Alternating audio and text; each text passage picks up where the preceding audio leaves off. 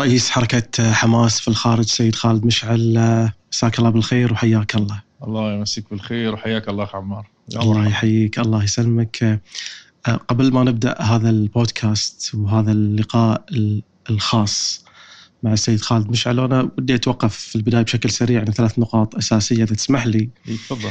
آه النقطة الأولى أنا يعني أقدم شكر خاص لك آه أخونا أبو الوليد على أنك استقطعت من وقتك وأنا أعلم أن في هذا الوقت الحساس اللي تمر فيه آه الحركة وقطاع غزة تحديدا آه وفلسطين آه وقت صعب جدا. أن نستقطع من وقتك فترة حتى نسجل فيها هذا اللقاء اللي تم الاتفاق عليه بشكل مسبق قبل فترة. شكر جزيل لك وإن ان شاء الله نقدر من خلال هذا اللقاء نقدم مادة جيدة تعكس ما يحدث الآن من الحرب الدائرة الآن في غزة. فهذا اولا. النقطة الثانية اللقاء والحوار هذا كله راح يكون مرتكز على ما يجري الآن في في غزة وموضوع طوفان الأقصى والحرب. لذلك وإن كان هو بودكاست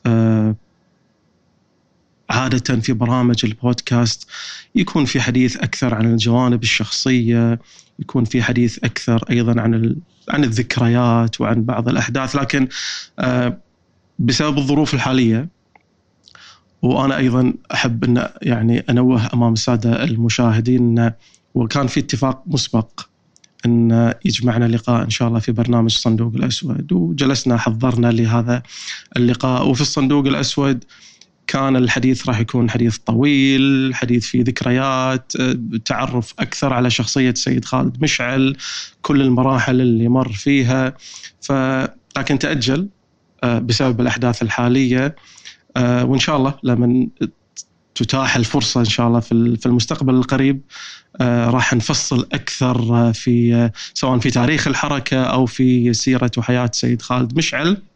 لكن في هذا البودكاست كون انه جاء الآن كحل وسط مؤقت بين الصندوق الأسود وهذا البرنامج بنحاول فقط إن نركز في هذا اللقاء على أحداث طوفان الأقصى وقطاع غزة. وهذا يقودني إلى النقطة الثالثة أن وإن كنا راح نركز في هذا اللقاء البودكاست على ما يجري في غزة لكن بحاول قدر ما أستطيع في هذا اللقاء معاك إن شاء الله أخونا أبو الوليد انه ما نغوص كثيرا في الأمور العسكرية والأمور الفنية ان صح التعبير الميدانية.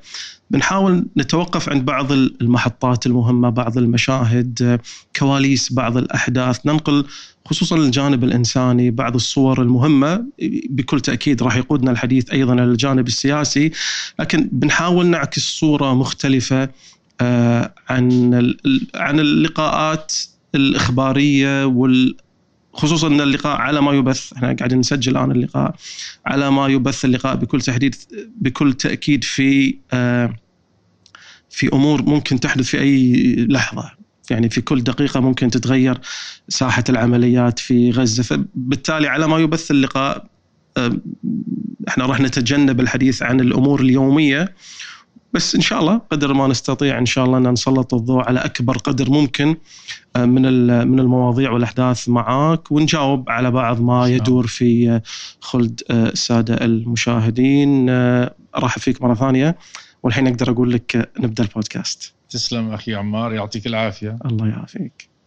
بسم الله والحمد لله والصلاة والسلام على رسول الله. هو في الحقيقة أخي عمار فعلا ما كنت لأوافق على المشاركة في البرنامج لولا أنني أعتبره جزءا من واجبي تجاه ما يجري في غزة. يعني هو لخدمة أهلي وحبايبنا لأنه أبطال المشهد في غزة اليوم هم المقاومة كتائب القسام وكل المقاتلين من الأجنحة العسكرية والحاضنة الغزية العظيمة التي تصبر على جرحها النازف وألمها القاسي. وإحنا اليوم انت بتحكي عن الصندوق الأسود كبرنامج واليوم هناك جريمة سوداء يرتكبها العدو الصهيوني في غزة وما زالت كما تفضلت عند نشر هذه الحلقة. ربما نكون اقتربنا من اليوم بالتسعين إحنا اليوم في اليوم الواحد وثمانين فنحن اليوم أمام ملحمة تراجيدية هي عظيمة بأداء المقاومة وأداء الشعب. وبالبطولة والقيم والأخلاق والصبر واليقين والإيمان وهي تراجيدية وسوداء في جريمة العدو وجرائم من يتحالف مع العدو ومن يزودها بالمال وبالسلاح وبأدوات القتل والدمار. آه، فلذلك آه، هذا مشاركتي معك وأنا أرحب بك بالتأكيد. حياك هي جزء من خدمة هذه المعركة وخدمة الأبطال الحقيقيين لمعركة طوفان الأقصى في ملحمة غزة العظيمة التي بالتأكيد ستكون آه، مرحلة استثنائية في تاريخ الصراع ولحظة تحول لتصنع أسطورة جديدة إن شاء الله تقربنا من التحرير والعودة ونهاية هذا الكيان الصهيوني الغاصب. فحياك الله. وأكيد الحديث عن ال... إحنا أمة دائما ننحاز إلى المجموع. آه، وإلى عوام الناس فالشعب أكبر من الأفراد وأكبر من القيادات وبالتالي الذي يستحق الحديث هو الشعب والمقاومة والفعل ونحن إنما الله تعالى يسخرنا في خدمة هذه القضية وخدمة قضايا الأمة جميعا إن شاء الله. إن شاء الله يعني هذا الحدث أكيد كما تفضلت ليس بالضرورة أن نتكلم عن تفاصيله العسكرية وهذه مسائل هي في الميدان لكن بالتأكيد هناك صور ملحمية عظيمة وهناك زوايا أكيد الناس يتساءلون عنها ونحن معنيون أن نشد أمتنا العظيمة نحو هذه المعركة العظيمة وأن هذا الصحوه في العالم اليوم الغربي والشرقي نحتاج أن نعززها لأنه آه، طوفان الأقصى ومعركة غزة اختصرت كثيرا من المسافات فالحمد لله. أهلا وسهلا. بك الله يسلمك. أه، استخدمت كلمة ملحمة. أه، وهذا وهذا يخليني أرجع إلى إلى 7 أكتوبر. أه، عملية طوفان الأقصى. أول سؤال يعني طبيعي إذا إحنا بنسوي فلاش باك ونرجع للأحداث. يعني سؤال يتبادر إلى ذهن أي متابع للأحداث الآن انه لماذا أقدمتوا على 7 أكتوبر؟ آه. سؤال يدور في الأذهان كثيرا. والحقيقة لو الناس تأملت موضوعيا لكان ينبغي أن تسأل لماذا تأخر 7 أكتوبر؟ ليش ما كان 7 أكتوبر من الأول يعني كان الشعب الفلسطيني كان مرتاح تحت ال... يعيش في وطن وحر وبالتالي هو يعني عنا له أن يأتي ب 7 أكتوبر يقوم مثلا مخاطرة ولا مجازفة. يعني ماذا ينتظر من شعب يعني خلينا نتكلم عن هو اسمه 7 أكتوبر. وفي عدنا للوراء شعبنا منذ 75 عاما يعيش تحت الاحتلال. منذ النكبة 48 وقبلها قرابة 25 26 عاما تحت الانتداب البريطاني. إحنا منذ 100 عام ونحن في مأساة. نحن منذ 56 منذ 56 عاما يعني منذ نكسة ولا نكبة 67 شعبنا يعيش تحت القتل اليومي تحت الانتهاكات تحت التهويد الاستيطان قضم الأراضي تدمير الزرع والضرع والشجر وكل أنواع الحياة. إذلال تحت الاحتلال. هذه الضفة وغزة منذ 67 غزة تعيش منذ 17 عاما في حصار. يقتلها كل يوم. غزة لم تكن تعيش حياة طبيعية. هي تعيش بفخار رأسها مرفوعة لكن في حياتها المعيشية اليومية لا تعيش كما تعيش الشعوب الأخرى في طمأنينة وفي أمن. هي كانت تموت موتا بطيئا. وهذه يبدو استراتيجية كانت مقررة عند العدو وربما تواطأ عليها آخرون في الساحة الدولية. من أجل هذا الشعب لا يعيش حياة يرتاح فيها حتى لا يكون مزعجا للاحتلال ولا يموت موتا يؤدي به إلى الانفجار. يبدو تقديراتهم أخطأت 7 أكتوبر هو هذا الانفجار. في أحد تجلياته وليس في كل تجلياته. أحد تجلياته بأي معنى؟ بمعنى أنه 7 أكتوبر لم يكن انفجارا بسبب 17 عاما من الحصار فقط.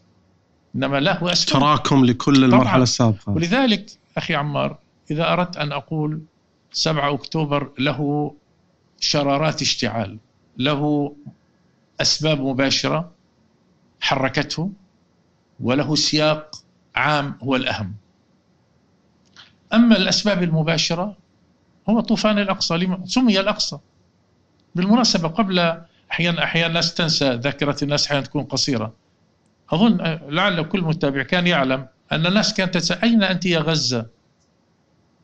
بعد خاصة بعد رمضان الماضي لما العدو اقتحم في منتصف رمضان في 15 13 و14 رمضان وفي الأيام اللاحقة وفي العشر الأواخر اقتحم الأقصى وسحل النساء الحرائر وقطع صلوات الناس في المسجد الأقصى في رمضان يعني مكان مقدس وشهر عظيم مبارك مقدس. وبعد ذلك ثم جاءت الأعياد الأخيرة منذ 15 سبتمبر إلى السادس من أكتوبر. عيد العرش والغفران وعيد ثالث أيضا. ثلاثة أعياد متلاحقة. والعدو يعني تجرأ فيه كثيرا في الضفة وفي القدس وفي غزة. والناس كانوا يتساءلون ماذا تفعل غزة؟ فلما غزة تدخلت كما تدخلت في معركة سيف القدس عام 21 الناس يستغربون يعني ضمير الشعب الفلسطيني في الداخل والخارج وضمير الأمة الأحرار اللي عندهم غيرة على الأقصى ولأن الأمة عاجزة.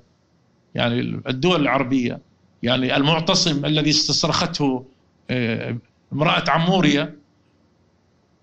يعني اليوم ما في معتصم ينجد الثكالى والأيتام. رب معتصماه انطلقت. ملء افواه اليتامى الثكلي. لا لامست معهم لكنها لم تلامس نخوة المعتصمين. اليوم في غياب في غياب رسمي وأنظمة وحكومات هي كانت وما زالت تعتبر فلسطين قضيتها المركزية. وفي غياب النخب وغياب المجتمع العربي والإسلامي في دوره الفاعل في التحرير وإن كان هذا الجمهور العربي الإسلامي حاضر. حاضر في الدعم المالي حاضر في الحركة الجماهيرية حتى قبل 7 أكتوبر. لكن حركة الشعوب وحدها في ظل أيضا سطوة الأنظمة وأنها لا تسمح لا شك هذا كان يجعل هناك حالة من الفراغ. فاليوم كانت الشعوب ترنو إلى غزة. ترنو إلى العمليات. الغز... الضفة الغربية مضالها تقريبا سنة ما شاء الله مشتعلة. عمليات بطولية من شمال غزة من شمال الضفة. جنين إلى الخليل وبيت لحم مرورا بالقدس ورام الله ونابلس والمخيمات والقرى والبلدات. ولكن مع قسوة العدو مع هذه الأجندة التي يملكها نتنياهو وسموتريتش وبن غفير ودرعي هذه الحكومة الأكثر تطرفا في تاريخ الكيان دينيا وقوميا اللي عنده خلص كتالوج اسمه التلمود. هذا يقال يعني في قصة تذكر عن سموتريتش وزير المالية أتوا له محاضر وأوراق تتعلق بالوزارة التي يديرها. قال اتركوا أنا لا أتعامل مع اتركوا أمر الوزارة. آه اتركوني بالأمر الأوراق. أنا عندي ش...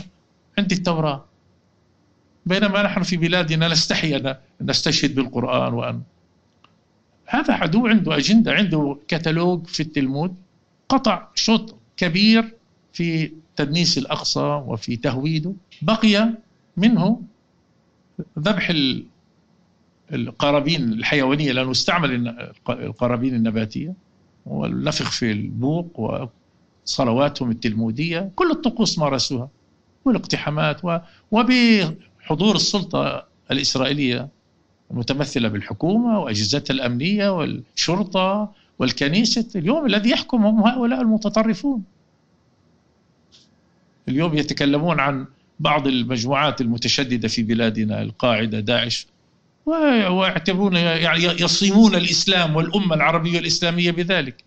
وهم عبارة عن مجموعة كانت في مرحلة من التاريخ والأمة بمجموعها معروفة عنها بتسامحها واعتدالها وفكرها الواعي وانفتاحها على البشرية. إحنا أم الحضارات. بينما اليوم هؤلاء الغلاف الصهاينة يحكمون والعالم يستقبلهم ويفتح لهم الأبواب والعواصم ويفرش لهم السجاد الأحمر. هذا هذا هو الخلل في القيم وفي ازدواجيه المعايير على المستوى الدولي. وللأسف غزا حتى بعض بلادنا. ف... هذه الجزئية اللي تفضلت فيها أخونا أبو الوليد موضوع ازدواجية المعايير وأنتم بكل تأكيد يعني عارفين الساحة متابعين الساحة الدولية آه، بكل تأكيد.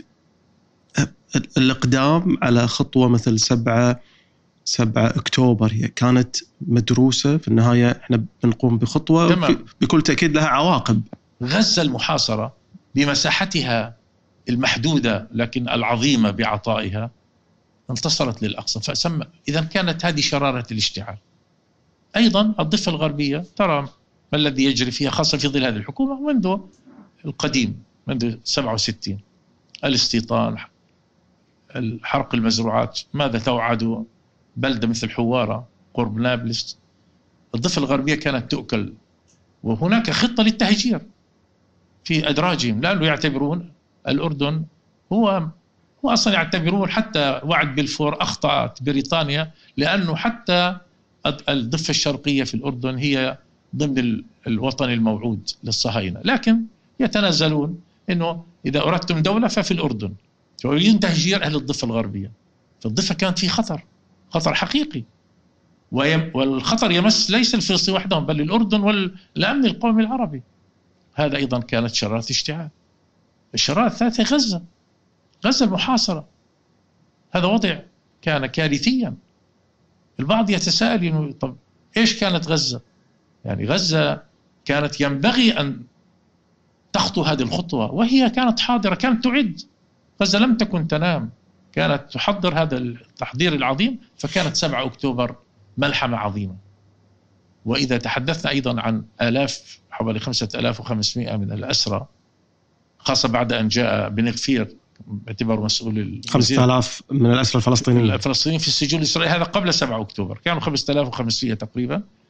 بعضهم تم قتله في السجن وتنكيل وخاصة بن غفير ما هو مسؤول الأمن القومي الذي يسمونه مسؤول عن السجون. نكل بهم. كل هذه عوامل وفي عندنا أسرى الأسرى نتحدث ليس عن أعداد وأرقام كل واحد عبارة عن قصة قصة إنسانية. يعني نائل البرغوثي صار له 44 عاما في السجن. كل حياته ثلثين حياته قضاها في السجن. وقس على ذلك من اللي عنده 60 مؤبد و68 مؤبد و50 مؤبد. مع التنكيل هذه كانت فكانت هذه شرارات الاشتعال ل 7 أكتوبر لكن أين السبب؟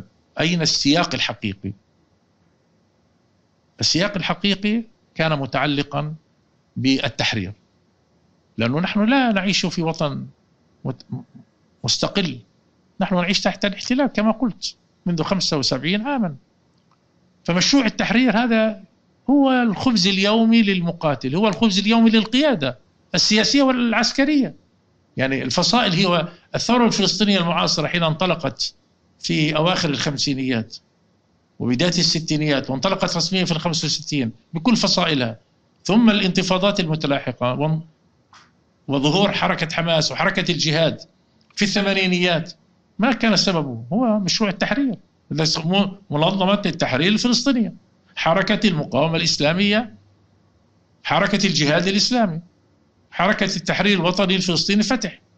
فكل المقاومة والتحرير هذه مفردات حياتنا اليومية اللي نعيش تحت الاحتلال. طب ماذا يفعل الشعب الفلسطيني؟ كان في مرحلة من مراحل تاريخنا العربي هناك حروب الجيوش. حرب 48 شاركت فيها خمس سبع عملية سبع جيوش. 67 كان ثلاث جيوش ومشاركات من دول أخرى. بعدين 73 بمعنى كان في مرحلة كان العرب يعتبرون عندهم مسؤولية تجاه تحرير فلسطين واستعادة الأراضي المحتلة. حتى قبل 67 بمعنى تحرير كل فلسطين. بعد ال 67 صار هدفهم تحرير ال 67 ولم يحصل. وبالعكس تبنى العرب شعار السلام خيارنا الاستراتيجي. وصلنا إلى حالة من العجز. الشعب ينتظر ماذا؟ السياسة الدولية غير منصفة. يعني السياسة الدولية تحركت في بعض الحالات وهز وأخرجت بعض المحتلين ولا أريد أن أذكر أمثلة معروف. حشدت تحالفات دولية من أجل طرد محتل في مكان ما. وقصفت حتى دول داخل أوروبا كما نعلم. لكن في الحالة الفلسطينية لا. في تواطؤ دولي خاصة بالولايات المتحدة والعواصم الغربية مع إسرائيل. بالتالي الشعب الفلسطيني كان يعلم ويستأنس بقوله تعالى فقاتل في سبيل الله لا تكلف إلا نفسك. وحرض المؤمنين. عسى الله أن يكف بأس الذين كفروا والله أشد بأسا وأشد تنكيلا. كان الشعب الفلسطيني يدرك هذه مسؤوليته الأولى. نعم فلسطين أرض الإسراء والمعراج. القدس والأقصى قبلة المسلمين الأولى. بمعنى هي ملك الأمة مسؤولية الأمة. ولكن كان يعلم أنه ما حك جلدك مثل ظفرك فتولى أنت جميع أمرك. اشتغل توكل على الله ثم بس إن شاء الله الأمة تنخرط معنا في المعركة. هذه الفلسفة فلسفة التحرير. أهل غزة لم يكونوا يبحثون عن تفاصيل. أهل القدس والضفة أهل فلسطين لا يبحثون عن هذه الملفات اللي للأسف التسوية أغرقتنا فيها. ولا يبحثون عن تحسين معيشة هم يبحثون عن حرية عن تحرير عن تخلص من الاحتلال. عن استعادة الأرض وتطهيرها استعادة القدس والأقصى حق العودة الإفراج عن المعتقلين. نريد أن نعيش ككل الشعوب في استقلال وأن نطرد هذا الاحتلال من كل أرضنا الفلسطينية. إذا 7 أكتوبر هو هي عنوان عظيم للتحرير. هي خطوة كبرى على طريق التحرير وهز هذا الكيان. ولكل العالم هذا الكيان ليس كيانا مشروعا. هذه دولة احتلال. لأن تقادم الزمن نسينا تصير كأن الشعب الفلسطيني جزء من الماضي وكأن إسرائيل هي الحاضرة. لا. الشعب الفلسطيني هو الحاضر وهو المستقبل وهو صاحب الحق وهو اللي يملك الشرعية الحقيقية. لذلك 7 أكتوبر ينبغي أن يقرأ في هذا السياق الكلي سياق التحرير إضافة للمحركات المباشرة الأسباب اللي شكلت شرارة الاشتعال وخاصة الاعتداء المتسارع على الأقصى حتى كاد يهدم.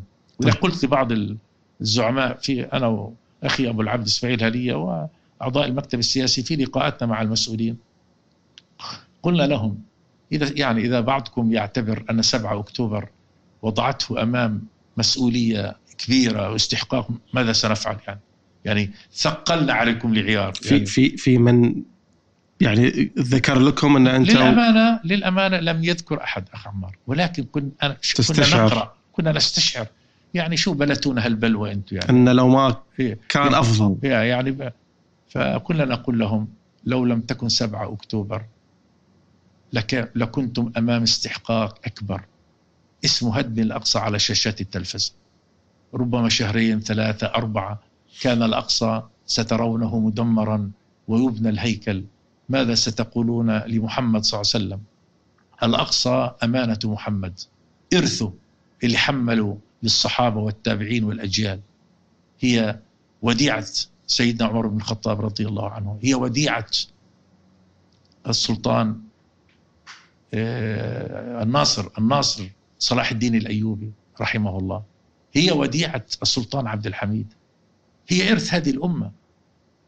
هذه هذه هذا الأقصى ماذا ستقولون لربكم ولضميركم؟ كل واحد كل عربي ومسلم سيسأل نفسه هذا السؤال. وكل مسيحي أيضا. إحنا الشعب الفلسطيني بمسلميه ومسيحية. هذه أرضنا هذا وطننا. لذلك ينبغي 7 أكتوبر أولا ألا نستغربه. بل كان الأصل أن نتساءل متى سيكون 7 أكتوبر؟ ومتى سيكون مشروع التحرير؟ ثم أن نرفع القبعة لأهل غزة للقسام لسرايا القدس. لكتائب المقاومة الفلسطينية بكل أجنحتها لهذه الحضن الغزية العظيمة. اليوم تصنع تاريخ اليوم بتواجه تحالف عالمي حرب عالمية. طرفها الولايات المتحدة والعواصم الغربية للأسف المتواطئة بل المتورطة في عدوان الكيان الصهيوني على غزة. وغزة تقف وحدها. نعم هناك الحمد لله تفاعل من الأمة. وهناك قدر من الدعم ولكن ليس لا يوجد انخراط كبير وواسع بمستوى المعركة. فهذه في اليوم الأصل الامه تشكر غزة على ما تفعله، تشكر حماس، تشكر كتائب القسام، تشكر المقاومة، نابت عن الأمة. اليوم على الأقل في أمام ضميرنا وأمام التاريخ نقول لا كما يقول سبحانه وتعالى فلولا نفر من كل فرقة منهم طائفة ليتفقهوا في الدين ولينذروا قومهم إذا رجعوا إليهم لعلهم يحذرون. إذا الأمة لم تغب. من الذي شكل هذا الحضور؟ هي غزة وهي القدس والضفة فلسطين اللي شكلت هذا الحضور. وفي حضور جيد من الأمة لكن غير كافي. لا يتناسب والمرحلة الصعبة اللي بتمر فيها قضية فلسطين قضية القدس والمسجد الأقصى المبارك. طيب هذا كله يعني أخونا أبو الوليد راح نحاول نتوقف عند مجموعة من المشاهد اللي تفضلت فيها لكن المجتمع الدولي معروف. وأنتم أكيد قارين المشهد الدولي بكل تأكيد يعني تبعات 7 7 أكتوبر طوفان الأقصى. أنتم كنتم متوقعين أن المجتمع الدولي راح ينصف غزة أو ينصف القضية الفلسطينية؟ هل كنتم متوقعين يعني أنتم أكيد بكل تأكيد متوقعين انه راح يكون في ردة فعل إسرائيلية بس كنتم متوقعين هذا ردة الفعل العنيفة راح تكون على غزة؟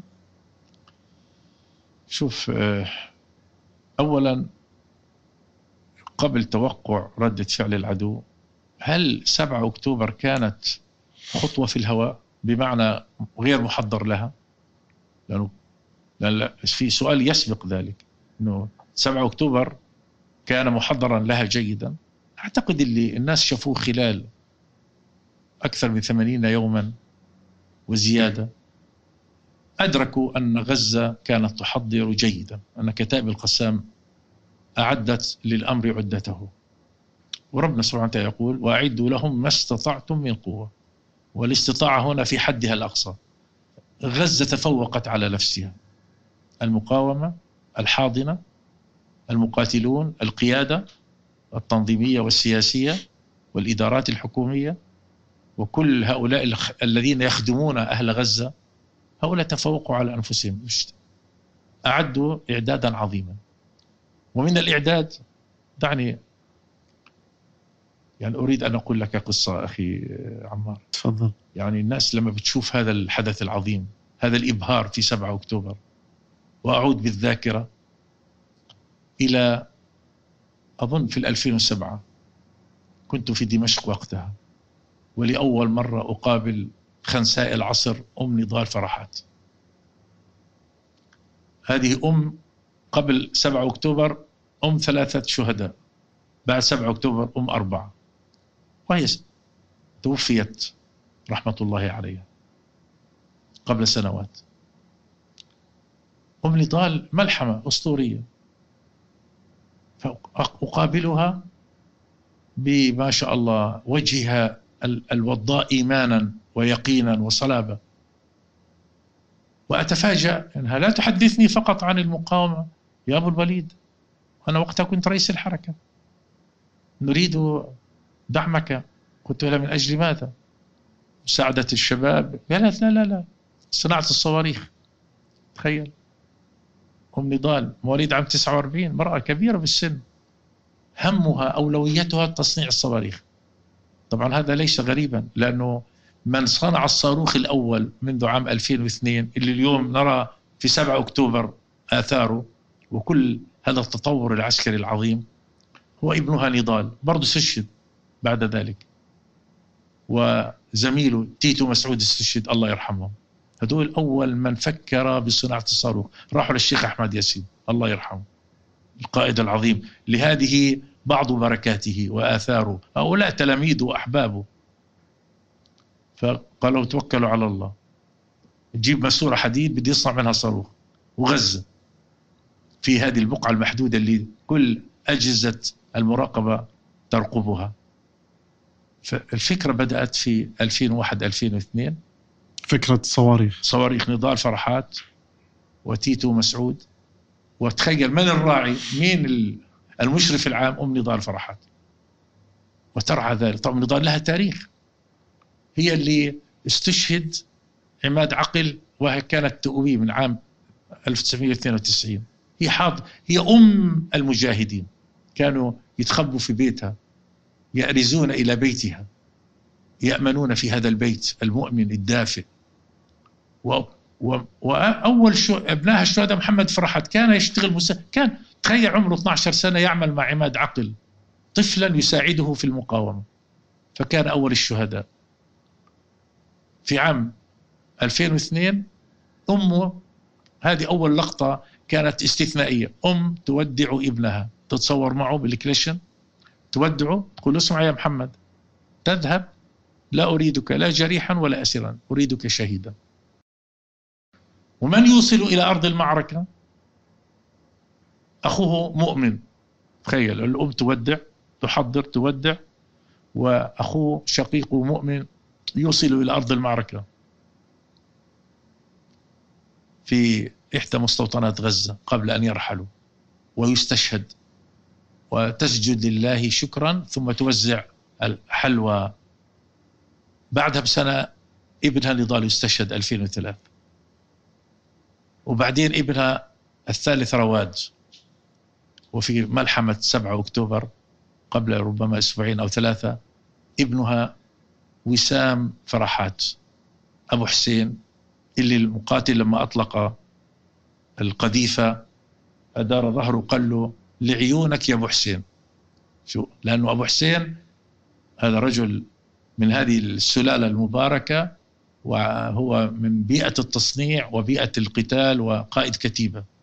هذه أم نضال فرحات فتخيل أحد الناس يسألها يا أم نضال لماذا تصرين على استشهاد أولادك؟ شوف جوابها العظيم. تقول لأنني أعمل وأختار لأبنائي ما تمناه حبيبنا محمد صلى الله عليه وسلم. حين قال والذي نفس محمد بيده لو وددت أن أغزو فأقتل ثم أغزو فأقتل ثم أغزو فأقتل. الله أكبر. يعني هي رأت أن سيدنا محمد تمنى الشهادة.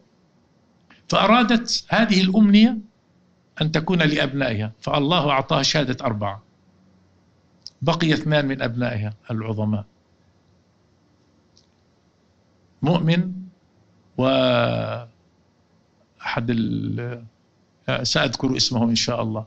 هؤلاء أظن حسام أو هذا هذا نموذج. إذا لاحظ البدايات البسيطة لاحظ الروح الإرادة اللي تقف هذا خلف هذا الإنجاز الذي نراه. لأنه اليوم الناس شافت 7 أكتوبر. زي الناس بس يشوفوا الفيلم. طب هذا كم؟ أخذ من التصوير والسيناريو والجهد. اليوم 7 أكتوبر الناس رأت الإبهار والأسطورة والعظمة. وخلال 80 يوم نحن نعيش مسرح مسرح مسرح درامي عظيم مبارك عفوي غير مصطنع بس من من يقف خلفه؟ يعني هذه الأنفاق 560 70 كيلو متر من الأنفاق، اليوم العدو يتفاخر كم نفق 4 كيلو ولا غيره. هذه الأنفاق كم تعب عليها؟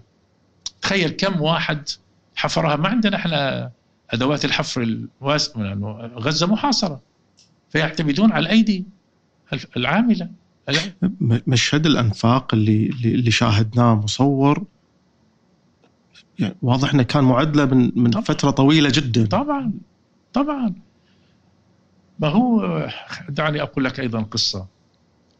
أه ولا أريد أن انكى بعض الجراح لأنه إحنا في معركة ووضعنا الفلسطيني ربنا سبحانه وتعالى يلطف بنا ونحن نحب الخير لكل أبناء شعبنا. نحب لهم أن يكونوا في مربع المقاومة. والجهاد والانتصار والقيم مربع التمسك بالثوابت مربع المواجهة المفتوحة مع العدو. أحد الشخصيات الفلسطينية سألني مرة شو استفدتوا من السلطة يا أبو الوليد بعد 2007 شو استفدتوا من السلطة يا حماس؟ أنكم ماسكين غزة. انتخبنا كما تعلم في 2006 في 25 يناير 2006 أخذنا أغلبية شكلنا حكومة دعونا الناس أن يكونوا معنا في حكومة وحدة وطنية هذا تاريخ واعتذر الكثيرون أو البقية تقريبا. ونتجت إشكالات بعدين في 2007 بعد اتفاق مكة صار الحسم نتيجة عوامل معروفة لا أريد كما قلت العودة إليها. وبالتالي بدت أن حماس منفردة بالسلطة في غزة. وبالتالي الناس يعني شو استفدتوا يا حماس؟ ما أنتم مقاومة. حتى بعض المحبين كانوا يخشون علينا أنه المق... السلطة تغيرنا. وما علموا أن السلطة كانت اضطرارا وإدارة لخدمة الناس ولرعاية المقاومة وتوفير الغطاء السياسي والإداري آه، في كل المؤسسات لإعطاء المقاومة مساحة من العمل مفتوحة. المهم قلت لهذا الشخص وقالها طبعا بمنطق الإحراج يعني شو استفدت يعني؟ قلت والله فعلا السلطة ما فيها منها أي فائدة. لكن في فائدة واحدة. إنه استغلينا وجودنا في المقا... في السلطة في بناء المقاومة بكل أدواتها أسلحتها تصنيعها التخطيط التدريب الأنفاق وظهورنا امنا. بمعنى ما فيش تنسيق أمني فيش سلطة يعني ما في طعنه تلاحقنا اذا اذا لم تكن حماس متشوفة للسلطة. حماس كانت تبحث عن سلطة مقاومة. هي أصلا السلطة تحت الاحتلال خطأ وهذا خطأ أوسل الأول. لكن أما وأن السلطة أصبحت منذ عام 94 أمرا واقعا على أساس أوسلو فكانت فلسفة حماس عندما دخلت انتخابات 2006 أننا نريد تطويع هذه السلطة اللي هي أمر واقع لتكون في خدمة الشعب وفي خدمة المقاومة. وهذا الذي حصل. وذاك أول من فزنا بالانتخابات في 2006 صار أسر الجندي الإسرائيلي شاليط اللي بادلنا فيه في عام 2011 هذه كانت أدلة عملية. أن حماس طوعت السلطة لخدمة المقاومة ولم تضع المقاومة لحساب السلطة. هذا كانت التوفيق من الله اللي مستند إلى رؤية وإلى إرادة وقناعة وليس إلى أمر هكذا جرى بشكل عفوي. المهم فاذا هذا هذا 7 أكتوبر الناس رأت ملحمة أسطورية حتى هذه اللحظة من الصلابة والصمود. هذا كان يستند إلى جهد عسكري عظيم بناء بناء هربنا سلاح عندما كان مسموحا به وعندما يعني ضاقت الأمور أنشأنا أنفاقا لتهريب السلاح. هو لأنه مش برنامج آه، فأنا ما راح أسألك أكيد كيف هربتوا ومن وين هربتوا ومين اللي ساعدكم يعني, يعني وما أتوقع راح تجاوبني على الأسئلة والله يعني. يا سيدي هذه هذه يعني شوف أنا أقول أن التجربة الفلسطينية في النضال ستدرس للأجيال القادمة لأنها عملت في ظروف مخالفة لكل شروط حروب العصابات. حروب العصابات هذا كل استطراد يأتي نتيجة لا بأس يعني حتى الناس تفهم حروب العصابات الناجحة الشعوب اللي تحررت نتيجة حرب التحرير الشعبية وحرب العصابات والعمل الفدائي كانت أولا تقف في أرض واسعة ولها طبوغرافيا وتضاريس من الجبال والغابات والوديان والكهوف وكانت بجوارها دولة صديقة. تقدم لها السلاح وتقدم لها التدريب وتدعمها وتعطيها مساحة مناورة حديقة خلفية لها. وفي الغالب كانت تتمتع بدعم دولة عظمى خاصة أيام الحرب الباردة اللي عنده نكاية في أمريكا تأتي الاتحاد السوفيتي فيدعم قوى التحرر. اليوم كل هذا مفقود. هذه غزة 365 كيلومتر مربع شريط حدودي ضيق شريط على البحر عفوا. وبعد ذلك تصنع هذه الملحمة الأسطورية. فلما الأنفاق دمرت التي كانت تأتينا بالسلاح هنا جاءت نظرية التحدي والاستجابة لأنه الشعوب الحرة التحدي يحفزها للاستجابة وحل المشكلة وليس إلى الاستسلام كيف تحدي واستجابة؟ بمعنى أنت لما بيجيك تحدي كيف تتصرف؟ إما تعجز أمامه تقف عاجز أو تستجيب. تقصد تدمير الأنفاق؟ هذا ولد عندنا تحدي, تحدي. أن نعيد بناء الأنفاق من جديد. إن استطعنا أو تصنع السلاح. أصبحنا نصنع قذيفة الياسين 105 هذه اللي هي يعني مفتاح السر في 7 أكتوبر في هذه الأسطورة الملحمية الجارية. هذه تصنيع مضادات الدروع. قذيفة شواظ اللي رأينا لقطتها التلفزيونية قبل أيام الجميلة يأخذها المقاتل بكل ثبات ويضعها تحت الدبابة ومن قبل وضعوها بين البدن وبين الرأس للدبابة. وبعضهم ركب الجرافة وهكذا. يعني هذا السلاح الصواريخ اللي بدأت بكيلو ونص لدرجة البعض سماها لعب عيال. هذا الصاروخ اللي كان بداية بسيطة مع نضال الفرحات وتيتو مسعود وبرعاية أم نضال فرحات الله يرحم الجميع. هذا كان أثناء تجريبه يرموه على البحر ارتدوا عليهم. تخيل تطور إلى أن وصل تل أبيب في حرب 2012 إلى أن وصل إلى 150 كيلو إلى 250 كيلو صاروخ العياش إلى بتغطي كل مساحة فلسطين. معقول؟ هذه البقعة الصغيرة اللي تحت سمع العالم وبصره تصنع الأنفاق وتصنع السلاح.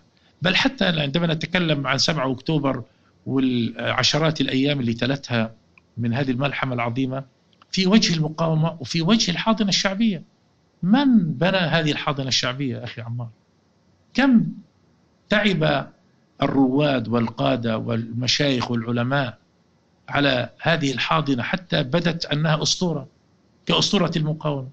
من الصبر والاحتساب هذه الحاضنة الشعبية نحتاج أن نتوقف عندها أكثر أخونا أبو الوليد لأن البعض ممكن, ممكن نعطيها مساحة لا لا الآن بما, كما تشاء. بما يعني تحدثت عنها يعني البعض يقول أن يعني واحدة من الإشكالات اللي تطرح أيضا على حماس أن حماس اختطفت الرأي الفلسطيني والرأي الغزاوي تحديدا وبالتالي هي تتحدث باسم أهل غزة ولو الأمر ترك لأهل غزة لما اختاروا هذا المسلك لكن هو فرض عليهم أمر واقع.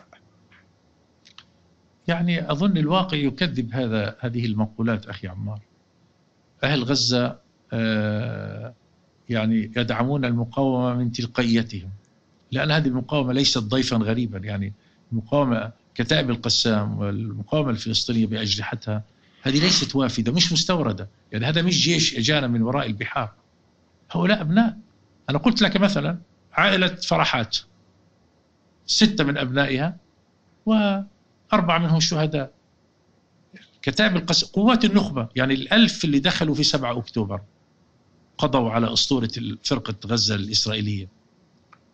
صدموا هذا الكيان هزوا أركانه. هذه النخبة هذه كل واحد جزء من عائلة وجزء من عشيرة ومن منطقة ومن حي. فبالتالي اليوم هذه الحاضنة الغزية المقاومة هي جزء من نسيجها الاجتماعي والثقافي والفكري والأصول والعوائل. كل واحد من لحم ودم له أصوله له أهله آبائه بالتالي اليوم هذه الحاضنة فخورة بالمقاومة. وهم نضال نموذج لذلك. وجاء ياما من الأمهات. أنت الصبر والاحتساب. حماس لا تقود الناس. يعني شوف أنت لاحظت المحافظة. مثلا الحجاب في غزة لا يفرض بالقانون. هذا سلوك الناس. الإقبال على المساجد. تروح لصلاه الفجر كأنك صلاة الجمعة. شوف هذا اليقين اللي عند الناس. مثلا القرآن. تحفيظ القرآن. كم أخذ مداه في المجتمع الغزي؟ وفي مجتمع الضفة وال 48 مجتمع الشتات الفلسطيني وفي الأمة الحمد لله. لكن القرآن مع البندقية في تحت الاحتلال له فعل السحر. في في أحد مساجد غزة تم التسميع لفوق ال 500 حافظ بين الختيارية الكبار في السن والأطفال. في شاب صغير سمع القرآن تلاه سرده في جلسة واحدة. قوات النخبة الله أعلم أن كلهم أو معظمهم كان يحفظ كتاب الله. فلك أن تتخيل كيف تقاتل أنت بمقاومين أشداء عظماء يحملون القرآن في صدورهم ويحملون البندقية والسلاح في أيديهم وعيونهم ترنو إلى الحرية والتحرير وخلفهم وحولهم وهم في وسط هذه الحاضنة الغزية المباركة العظيمة الصابرة المحتسبة اللي فوق الثمانين يوم ولا تجد نعم قد تجد بعض الشكوى والتذمر شيء طبيعي بشر إحنا. حتى مجتمع الصحابة خير المجتمعات الإنسانية بعد الأنبياء. مجتمع كان فيه بعض الثغرات وبعض طبيعي هذه الإنسانية بواقعيتها. لكن الصورة المجملة الصورة العامة هو الصبر والاحتساب. يعني خالد نبهان إلا سمعت بهذا الاسم؟ هذا أصبح أسطورة أيقونة. اسمه روح الروح. لابس روح الروح. آه لابس هالعمامة ويحمل حفيدته ريم. ويقبل عينيها ورأسها. طفلة صغيرة ربما سنة ونص عمرها. ويحتضنها. هذه عملت مفاعيل هائلة في في الحياة الإنسانية. لو تشوف الفيديوهات ل آه، يعني نساء ورجال من الغربيين كم تأثروا؟ شو هاليقين؟ هذا خالد نبهان. روح الروح. إحنا شوف في غزة في كل لحظة في أسطورة. يعني أقول لك إحنا جالسين اليوم. وإحنا جالسين هذه الجلسة كم من الصور العظيمة في غزة؟ شاب أو مجاميع تتحرك في الأنفاق شباب يحملون ال RPG وفي قذيفة الياسين 105 ولا يفجرون الدبابات بشواظ يلتحمون من نقطة الصفر هذا القتال هذه القتال من نقطة الصفر احتضان الدبابة من نقطة الصفر. هذا معنا دبابات المركبه أربعة وأيضا حاملة الجنود النمر المركبه اربعه طوروها تطويرا هائلا في مجال مغناطيسي حولها ليحرف المقذوفات المتطورة كالكورنت ولديها عدسات آه، رؤية آه، بزاوية 360 درجة. ومع ذلك يأتيها المقاتل بكل رباط الجأش هذا. في يعني ونحن جالسون كم من الصور العظيمة؟ كم مع في المقابل في صور مأساوية طبعا من الجوع ومن التشرد وفي ظل الشتاء وفي ظل المجازر والقتل وهدم المستشفيات والمساجد والكنائس وهذه قصص تعلمه كثيرة. باختصار اليوم هذه الحاضنة الغزية نفتخر بها الأمة عليها أن تفتخر بها وأن تتساءل. لماذا كانت هذه الحاضنة؟ من الذي صنع هذه الحاضنة؟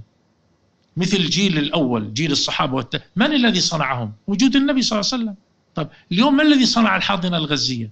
لذلك هذه كانت مفتاحا لدخول الناس في الإسلام شفت الآن في موجة يعني اللي في أوروبا يقولون كان يدخل في الإسلام بالشهر مثلا ألف في بعض الدول اليوم عشرين ألف مثل فرنسا مثلا ليش؟ لأنه رأوا أن هناك تقصد بعد 7 أكتوبر؟ بعد 7 أكتوبر تخيل في بعض الدول من ألف يدخلون في الإسلام في بعض الدول إلى عشرين ألف في شهر ليش؟ لأنه هذه هذا هذه أفضل طريقة للدعوة أن تقدم إسلامك بقيمك العظيمة تقدم إسلامك بصبرك بصمودك بإصرارك على حقك.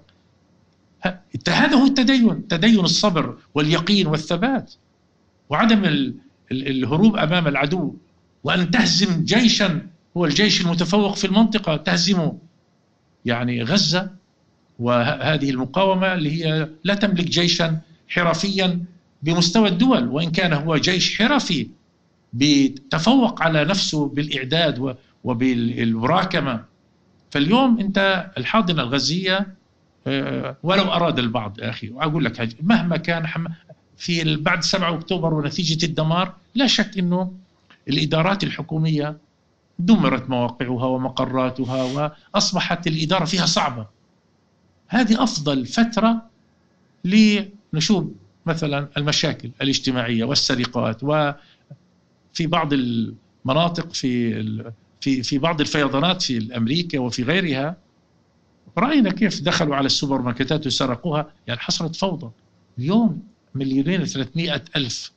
مع كل هذا الدمار خلخلت الحياة اليومية في غزة لتتحول إلى جحيم كما يخطط العدو ما زالت الحاضنة الغزية متماسكة اجتماعيا أسريا تنشأ بعض الإشكالات لكنها ما زالت ثابتة ما زالت متفاهمة متراحمة.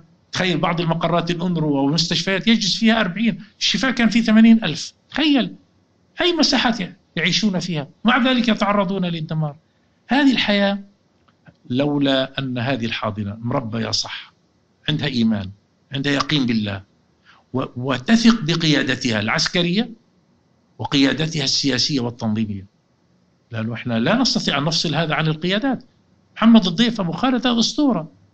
اليوم يعني يهتف باسمه ليس في غزة ولا في فلسطين وحدها بل في العالم. اليوم الحمد لله أيقونة هو وإخوانه الأبطال. أخونا يحيى السنوار أبو إبراهيم هو قائد غزة قائدها السياسي والتنظيمي وهو الراعي لكل الحالة الغزية. اليوم أيضا أبو, أبو إبراهيم يحيى السنوار رمز كبير في ساحتنا الفلسطينية وفي المنطقة وفي العالم. أخوه مروان عيسى أبو البراء اللي هو عمليا يعني المسؤول العسكري المباشر. فهذه الأسماء اللامعة اليوم وغيرها من الآلاف المؤلفة الدفاع المدني الإطفاء الكوادر الطبية في المستشفيات. شفت كيف يعملون؟ هذول هذول عباقرة. هذول تفوقوا على أنفسهم. كيف الطبيب يتجول ويرى الناس على الأرض ومع ذلك يتلمس جراحهم؟ ثم هو مثل الدكتور منير البرش يعني تستشهد جود بنته وعائلته وهو يصاب. فالجميع مبتلى ويواسي المبتلى. هذه هذه هذه هذا مجتمع فريد من نوعه. هذا المجتمع اللي قاعد تنقل لنا منه صور هنا أبو الوليد بكل تأكيد تستمع إلى أيضا الآراء المعارضة والآراء المخالفة، البعض يقول إن أيضا هي حماس أحد الأوراق اللي يعني ماسكتها في يدها موضوع الاحتماء بالمدنيين في غزة، ولذلك إسرائيل مش قادرة تتقدم أكثر بسبب آه، احتماء قادة حماس أو القادة الميدانيين بالمدنيين اللي موجودين في غزة، هذا اللي قاعد يصعب العملية، فمسألة التضاريس اللي يمكن ذكرتها قبل قليل في مسألة حرب العصابات، نعم مش موجودة يمكن في قطاع غزة، لكن التضاريس اللي أمامنا موجودة هي الناس، إحنا نحتمي بالناس. تمام. برضه هذه من الشبهات المطروحة. آه، مكان الشيخ أحمد ياسين وقيادات الحركة كان ممكن يظلوا في بيوتهم آمنين ويمارسوا الدعوة في المساجد والحياة الباردة الحياة المريحة الهانئة وبعيشوا مع بقية أهل غزة. ولا نفس زملائهم إخوانهم اللي في القدس وفي الضفة الغربية أو في ال 48 أو في مخيمات الشتات. ما كان يسعهم ذلك. يعني شو اللي أجبرهم أن يأخذوا ذات الشوكة اللي كما عبر عنها القرآن؟ البعض وتودون أن غير ذات الشوكة تكون لكم. لا. القيادات والرموز وليس من ابتداء من الشيخ أحمد ياسين لا منذ عز الدين القسام وقبله وبعده حتى منذ مئة عام شعبنا اختار ذات الشوكة. وهو ليش اختارها؟ أنت بتعرف في حروب دفاعية وفي حروب هجومية وبالمصطلح الفقهي في بسموه الحرب الجهاد الدفع وفي جهاد الطلب. جهاد الطلب إنك أنت تخوض معركة هجومية. أن تبادر في أن تبادر. وفي جهاد الدفع أن تدفع المعتدي عليك. يعني لما انت بتكون في حالة دفاعية وأرضك محتلة ومقدساتك تتعرض للإهانة وشعبك يقتل هذا اسمه جهاد الدفع. وهو يصبح عليك واجب وفريضة. ولا يسع أي مسلم أي فلسطيني أي ابن لهذا الوطن إلا أن يكون في مقدمة المقاتلين. فاختار الشيخ أحمد ياسين ورموز شعبنا وشيوخه وقادته عبر مئة عام. وقبله كان ياسر عرفات وقبله آه، كما قلت عبد القادر الحسين وعز الدين القسام هذا قافلة من الأبطال في تاريخ الأمة ماذا فعلوا هؤلاء؟ اختاروا طريق الجهاد والمقاومة طب هؤلاء من هم؟ هم جزء من هذا الشعب لماذا اختاروا هذا؟ دفاعا عن الشعب تحريرا للأرض وتطهيرا للمقدسات يعني هو لما أنا لما هؤلاء بفكروا كيف أنا أبني قوتي العسكرية وكيف أعد نفسي للمقاومة والجهاد المرير المفتوح مع الاحتلال عيني وين؟ عيني على شعبي بدي أحميه عيني على أرضي بدي أحررها ومقدساتي بدي أحميها والأسرى بدي أطلعهم من السجون وشعبنا اللي بيعيش مشرد نص الشعب الفلسطيني فوق السبعة ونص مليون في الشتات بدي أرجعه إلى أرض الوطن فأصلا أنت أنت من الشعب وإلى الشعب يعني أنت منتمي إلى الشعب. ولما بتفكر في مشروع عينك على شعبك مش عينك انك تحتمي بالشعب. بالعكس أنت بدك تحمي الشعب ولا تحتمي بالشعب. لكن كما يقول ماو سي تونغ وكل جيفارا وكل اللي قادوا حركات التحرر في العالم هو شي من اللي قبل. وهذه ثقافة عالمية وليست ماذا يقولون؟ أنه المقاومة كالسمك تسبح في بحر شعبها. فبالتالي الفلسفة أنه والله أن تضع المقاومة في واد والشعب في واد هذا كلام فاضي. ليس على طريق أنك أنت تحمي نفسك متدرعا بشعبك لا بالعكس أنت تحمي شعبك لكن أنت تسبح في هذا البحر هذه الحاضنة. لذلك اليوم أحد فلسفة العدو جرائمه لما فشل عسكريا في 7 أكتوبر وما زال يفشل وينتقم من الحاضنة الغزية. بده يفككها بده يعاقبها بده يصنع فجوة بينها وبين المقاومة ولم ينجح ولن ينجح بإذن الله ثم بده يشردها كما تعلم التهجير. بالتالي اليوم هذه ثم سؤال آخر أو يعني نقطة أخرى. أخي عمار اللي بينظر إلى الخسائر الحروب الماضية عند الأمم كلها سيجد أن الخسائر العسكرية ربع أو خمس الخسائر المدنية. يعني الاتحاد السوفيتي في الحرب العالمية الثانية تخيل قدم 27 مليون قتيل. 27 مليون ليواجه هتلر والجيش النازي اللي دخل سيبيريا في شتائها شتائها البارد.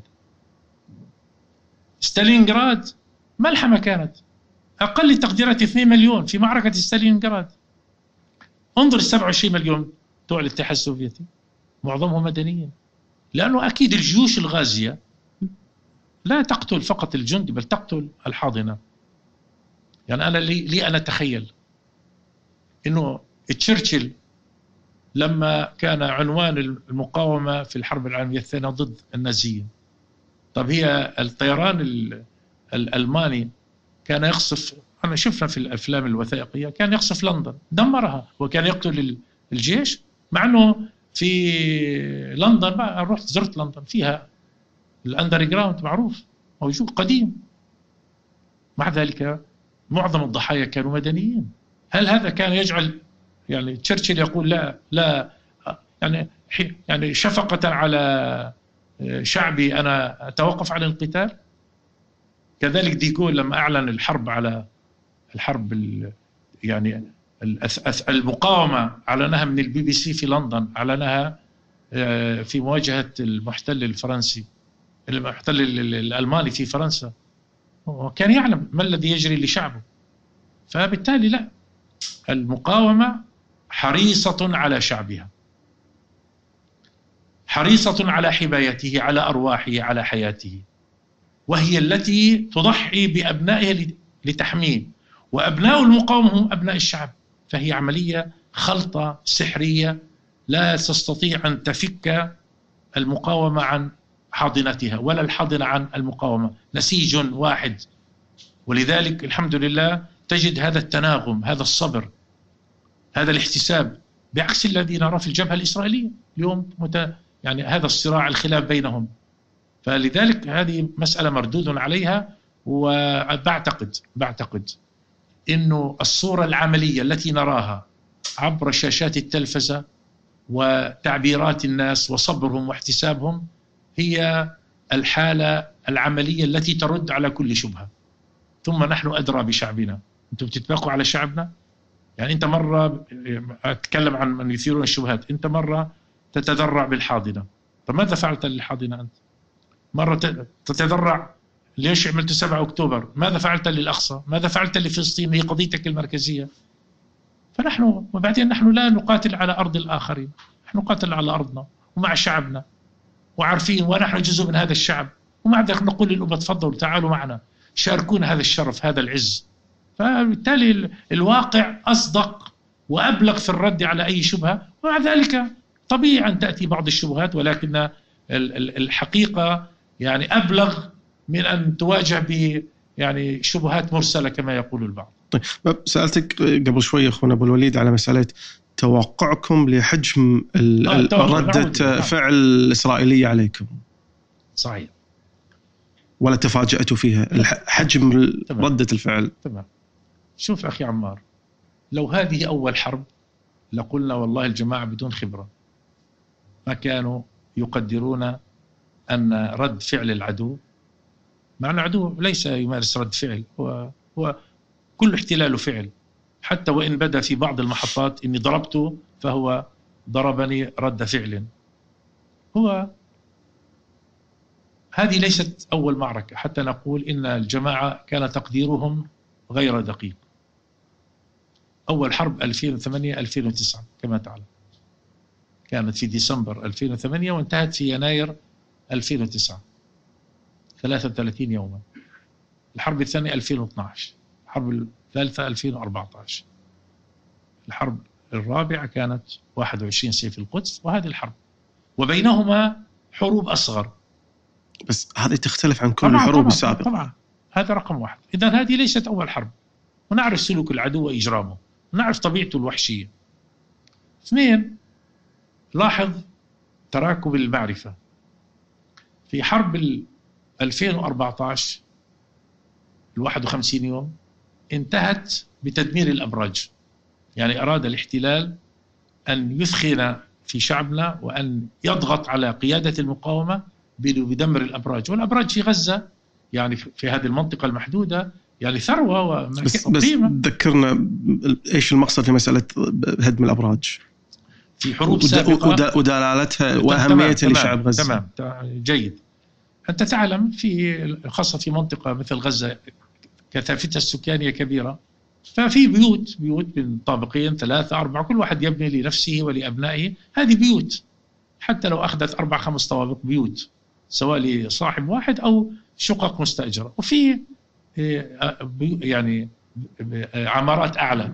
وفي أبراج اللي توصل ل 20 أو 15 20 عمارات سكنية المقصود سكنية فيها. وبعضها فيها مكاتب صحفية مثل اللي دمرت ال 21 المكاتب البرج أظن الجوهرة أو لا ناسي اسمه اللي دمرت وفيه مكاتب الوكالات اسوشيتد بريس والمكا يعني الوكالات الإعلامية الأجنبية ففي بعضه سكني وبعضه عبارة عن مكاتب إعلامية للفضائيات والقنوات وشبكات التلفزه ففي تعمد العدو مع استطالة الحرب في 2014 أن يوجعنا أكثر بتدمير الأبراج. مجرد تدمير البرج يعني خاصة في بلاد كما قلت في زي غزة. فبالتالي كانت مؤلمة بالفعل. فكأنما أراد أن يوجعنا ليجبرنا على وقف الحرب. ومع ذلك هو أوجعنا طبعا لأن هذه حضنتنا. ووقفت الحرب. ولم نستسلم إنما وقفت الحرب بشروطنا وبالتفاهم عبر الوسطاء. طيب في 2021 سيف القدس الحرب ابتدأت أو بدأها الاحتلال بقصف الأبراج. شو معناها؟ يعني العدو في الحرب التالية رفع المستوى ما انتهت به حرب ال 14 بدأ به حرب ال 21 يعني بدأنا بالمستوى الأعلى من الألم والوجع. مشان يشكل ضغط علينا. وانتهت الحرب بعد 11 يوم. لأنه برضو إحنا أوجعناه. هو يتألم ونحن نتألم. ولا تهنوا في ابتغاء القوم إن تكونوا تألمون فإنهم يألمون كما تألمون وترجون من الله ما لا يرجون وكان الله عليما حكيما. إذا في عقل القيادة أخي عمار السياسية والعسكرية أنه نعرف سلوك العدو كيف طور عدوانه بين 2014 ل 21 وكانت ال 21 ليس بالسقف اللي عملناه في 7 أكتوبر. فأكيد حين خططت قيادة الحركة وقيادة الكتائب هي اللي معنية بالتفاصيل العسكرية ل 7 أكتوبر كانت تعلم من أين سيبدأ هذا العدو. وتعلم كم هذه ستفقد صوابه. فكنا نعلم كم سيبلغ هذا العدو من مدى في عدوانه. ربما كانت المفاجأة أن فرقة غزة هذه انهارت في ثلاث ساعات. إيش مقصود في فرقة غزة؟ فرقة غزة هذه أحد الفرق التابعة للقوات الإسرائيلية في الجنوب. هي تقسمها إلى جنوب ووسط وشمال. فرقة غزة عبارة عن عدة فيها لواءان وهذه الفرقة تعدادها قرابة عشرين ألف مقاتل موجودة على بعد سبعة كيلو متر من حدود غزة. من في موقع اسمه رعين. هذه الفرقة كان يتفاخر بها العدو أنها الذراع الضاربة هي التي كانت تغتال في غزة تقتل تقتحم هي التي تحاصر غزة تجوعها فرقة من من نخبة الجيش نعم الإسرائيلي. نعم, نعم مميزة. يعني كانوا يتفاخرون بها. تخيل بكل هذا التاريخ. وهي كما قلت المسؤوله عن كل جرائم الاحتلال في غزة. وهي اللي ترصد كل حركة ونسمة.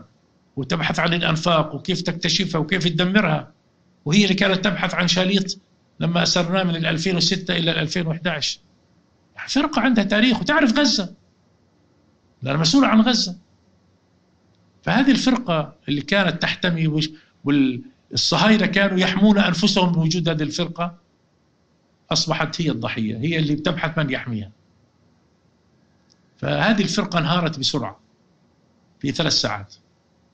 هذا فتح المجال لنخبة القسام لما دخلوا في صباح بعد فجر السابع من أكتوبر. إيش تفسيرها عندكم هذا؟ ان انهيار هذه الفرقة بهذه المواصفات بساعتين ثلاثة. طبعا هذا له علاقة ب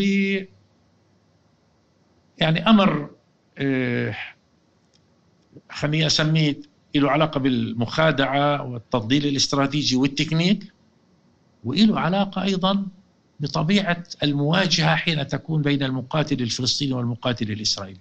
أشرح لك الأمر. أما الوجه التضليل الاستراتيجي والتكنيك المخادعة كما قلت كان في جو عام أن غزة تبحث عن مصالحها وبدها كان مندخل من الوقود والكهرباء والمساعدات ويعني كأن غزة تتلمس جراحها وأوجاعها بسبب الحصار. وبعد حرب الواحد وعشرين لم تتدخل في التصعيد اللي بيمارسه الاحتلال في القدس وفي الأقصى. مثلا كما قلت في رمضان الماضي في هذا العام 2023 في 13 و 14 إلى أيام في وسط رمضان اقتحموا الأقصى. فالناس كانت أين غزة؟ فالعدو بدأ يقرأ. فظن أن غزة منشغلة بنفسها. أيضا جاءت الأعياد من من 15 سبتمبر إلى 6 أكتوبر. ثم أيضا قيادة الحركة في غزة بذكائها مررت رسائل تضليلية للعدو. نحن مطلعون على بعضها. رسائل تضليلية بأي معنى؟ بمعنى يعني تضليل للعدو.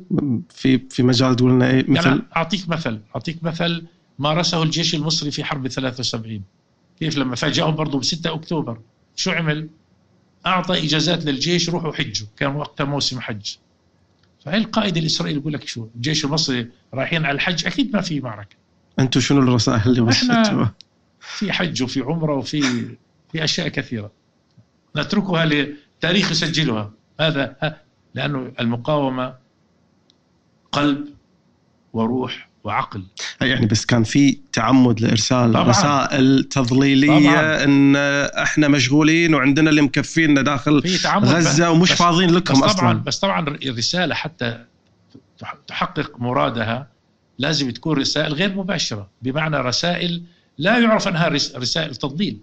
هو بيبلعها العدو. ما العدو بيضه بيستعمل التضليل للآخرين. فإحنا نجحت المقاومة في تضليل العدو. والتقط الرسائل الخاطئة. ثم التعميه بمعنى عدم كشف شيء من التحضير. الأنفاق طبعا العدو حريص على اكتشاف الأنفاق. عنده طائرات بتصور حراريا. بمعنى أي تغيير في معالم التربة خاصة في مساحة محدودة زي غزة. معناها ممكن هذا حفر نفق أو هذا خط تهوية طالع من النفق فالطيران الإسرائيلي بكل التكنولوجيا المتقدمه يرصد كل تغيير هني هني هني لازم أوقف أتوقف وافتح آه. قوس سريع جدا لأن آه. أيضا هذه أحد الإشكالات هذا الحصار التكنولوجي خلينا نقول أستخدم كلمة تكنولوجي على غزة سماء بحر جو بأجهزة حديثة جدا ترصد مثل ما تفضلت أخونا أبو الوليد حتى استخدمت كلمة أشعة حرارية أو بناء أنفاق دقيقة جدا ممتدة إلى داخل العمق الإسرائيلي داخل داخل فلسطين المحتلة. طبيعي لازم في سؤال يتبادر أيضا إلى ذهن الرجل الشارع البسيط اللي يتابع الأحداث إنه طيب أنتم كيف بنيتوا كل هذا ومتى بنيتوا كل هذا؟ في ظل هذا الحصار والمراقبة الدقيقة الإسرائيلية. البعض طبعا راح إلى أبعد من ذلك وتحدث عن نظريات مؤامرة وتعاون وما إلى ذلك يعني. لكن بكل تأكيد هو سؤال منطقي. أنت كل هذه الشبكة الدقيقة جدا وبالتعبير خلينا نستخدم إذا بستخدم كلمة إنجليزية يعني هو بروفيشنال إلى أبعد صحيح. درجة موضوع الأنفاق. وإسرائيل لا تعلم عن ذلك أي شيء. بل تفاجأت مثل ما العالم كله تفاجأ. هي العدو يعلم عن الأنفاق لأنه جربت في الحرب 2014 بس دمرها. أدري. دمر بعضها. دمر ما اكتشفه. وخلاص النفق لما بتستعمله يعني في الحرب 2014 شبابنا دخلوا من تحت الأنفاق دخلوا ل 48 دخلوا لمجموعة من القواعد العسكرية وشفتوا صورت ونقلت ولذلك تكبد العدو فوق السبعين قتيل من الجنود في تلك المعركة. فالعدو يدرك هذه الأنفاق. ولذلك أحد في تلك الفترة يعني قبل ال 14 وأثناءها المسؤول الغربي التقيت به. فبيقول الإسرائيليين يعني إذا بده يصير في أي تفاهم لابد أنتم تقضوا على الأنفاق. يقول لك أنتم أنتم لازم تقضون على الأنفاق. يقول لي يعني بمعنى إنه ينقل شيء هي الرؤية الإسرائيلية. قلت له ليش؟ قال لأنه هذا السلاح آه، بالنسبة له يفاجئ وبيدخل لجوا ولعنده للداخل قلت له طيب وإحنا في ظل ميزان القوى المختل ماذا نفعل؟ طب إذا نحيد سلاح الجو بتاعه. خلينا نحيد كل الأسلحة غير المتكافئة بينه وبينه. يعني هو بده يظل متفوقا ويحرمنا من مما أبدعناه رغم الحصار فابتسم طبعا. فاختصار هذا الأنفاق وهذه التكنو... هذا الإبداع تقف خلفه اولا. قرار مستند إلى رؤية. أنت عندما يكون عندك هدف ورؤية بدك تحرر وطنك تفعل المستحيل. الحاجة أم الاختراع. إذا صح منك الهوى أرشدت للحيال. لما يسيطر عليك شيء كيف تصل إليه؟ اذا إرادة مبنية أو قرار مبني على رؤية وعلى هدف تصمم. اثنين عقل ذكي يستعمل التكنولوجيا يبدع ونتفوق على عدونا. لأنه لا يصح أن يكون عندنا عقدة نقص أن عدونا متفوق علينا. لا. العقل العربي والعقل المسلم عقل ذكي بدليل الكفاءات علمية وطبية موجودة في أوروبا وفي أمريكا. بس إحنا مش قادرين نستثمر هذا العقل ابن الأمة. والعقل الفلسطيني عقل متعلم وذكي ويواكب ويتعلم من أخطائه ويراكم البعد المعرفي عنده. ويبني على الإنجاز. وإذا أخطأ يتعلم من خطأ. إذا العقل الذكي. ثم التصميم وطول النفس. إرادة. يعني تخيل تبني نفق. كم؟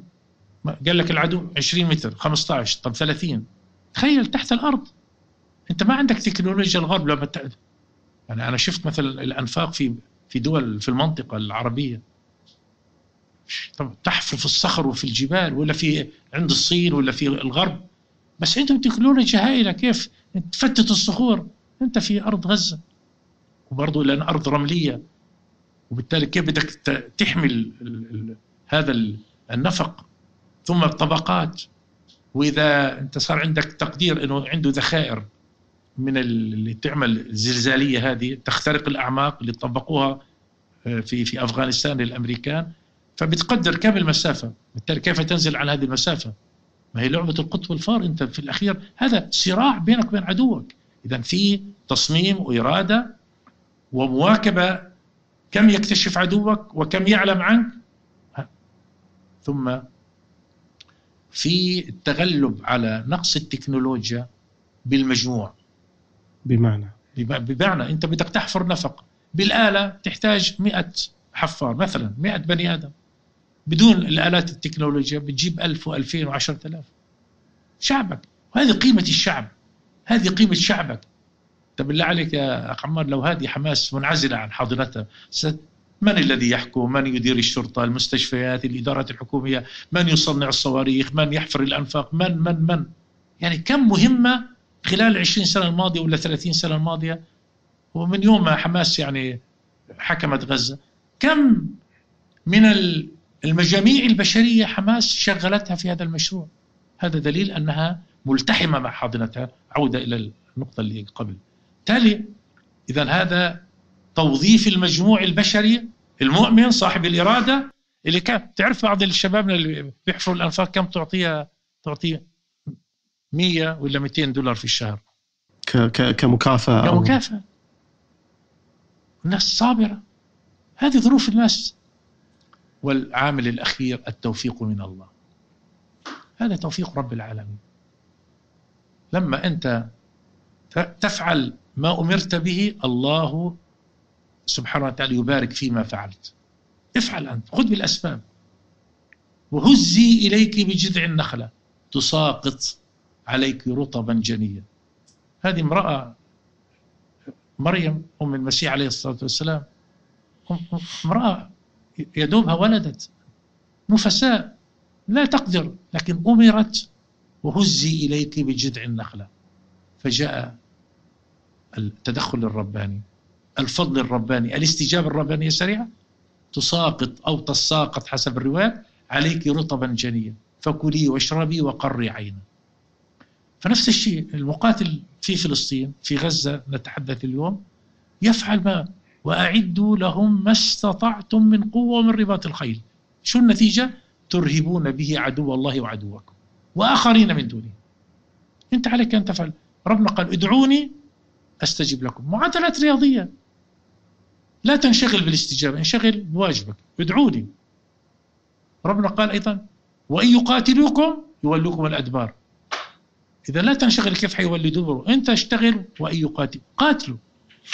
في, في, في هذا المنطق ال ال القرآني أنا يمكن يعني لا أفلح كثيرا في هذا المجال معك أخونا أبو الوليد لكن في هذا المجال البعض يقول أيضا يستشهد ب ب آية قرآنية ولا تلقوا بأيديكم إلى التهلكة البعض يعتبر ما ما جرى كويس اللي جبت الآية. تهلكة. كويس. كويس لأنه هذه كما قال الصحابة هذه استشهد أحدهم بها في ذلك العصر في غير سياقها. يعتبر الإلقاء في التهلكة هو الذهاب للجهاد. بينما قال نزلت فينا يا مع نحن معشر الأنصار لتحذيرنا من أن نتخلى عن الجهاد. يعني لا تلقي لا تلقوا بأيديكم إلى التهلكة بترك الجهاد. تخيل. المعنى العكسي تماما. لا تلقوا بأيديكم إلى التهلكة بتخليكم عن الجهاد. ذاك في الأنفال ماذا قال رب العالمين؟ آه يا أيها الذين آمنوا استجيبوا لله وللرسول إذا دعاكم لما يحييكم. قال المفسرون يحييكم أي الجهاد. الحياة هي الجهاد. حتى في الأحكام في الأحكام الشرعية في اللي هي القصاص ولكم في الحياة قصاص يا أولي الألباب. ولكم في القصاص حياة يا أولي الألباب. فالحياة الحقيقية هي الجهاد. ليش؟ لأنه أنت ما عندما تجاهد نعم يستشهد منك مجموعة مجموعات ليحموا شعبهم. حين تتخلى عن الجهاد العدو يقتل شعبك ويقتل أهلك فيزيكال قتل فعلي وتقتل كل يوم في معنوياتك وإرادتك تعيش ذليلا. فبالتالي لاحظ شوف ال... شوف إحنا هذا المنطق القرآني اللي هو ديننا واللي نفتخر به. طب شوف المنطق الجاهلي شوف العرب في الجاهلية شو كانت مشاعرهم. عنتر بن شداد. ماذا؟ أولا هو شاعر جاهلي. ثم هو فارس عظيم مقاتل شرس من شجعان العرب. وأيضا نبيل في فروسيته. تقرأ المعلقة بتاعته فتجد القيم عنتر ماذا يقول؟ لا تسقني ماء الحياة بذلة بل فاسقني بالعز كأس الحنظل. ماء الحياة بذلة كجهنم وجهنم بالعز أفضل منزلي يا سلام. هذه قيم الجاهلية مع أنه طبعا بالمفهوم يعني الجنة الآخرة لا ذل فيها ولا مذلة وجهنم الآخرة لا عز فيها. لكن في الدنيا حقيقة معنى صحيح مئة بالمئة. أن تعيش ذليلا حاشاكم من أجل حياة تافهة ومركب ناعم وطعام. هذا لا يليق بالرجولة لا يليق بالإنسان الحر. لا أنت من أجل حياة كريمة وعز أنت تكابد المشاق. ولا تقبل أن تعيش حياة وادعة وأنت ذليل. هذه ثقافة العرب ونحن جزء من هذه الأمة. والإنسانية ولقد كرمنا بني آدم. الإنسان فطر على هذه المشاعر الفطرية. لذلك اليوم ضمير العالم صحي على الجريمة الإسرائيلية. بعد أن كان مضللا بالرواية والسردية الإسرائيلية الكاذبة. نعود إلى القصة. إذا أخي عمار هذه الأنفاق هذه البنية العسكرية اللي فاجأنا بها عدونا في السابع من أكتوبر رغم أنه يعلم ماذا, ماذا كنا نعد قياسا على الحروب السابقة. لكن هنا إبداع المقاومة أنها تتفوق على نفسها وأنها تتطور فتفاجئ العدو. يعني زي عدونا نفسه بيفاجئنا بكل موضوعية. كل حرب بيفاجئنا بتكتيكات جديدة نتعلم منها.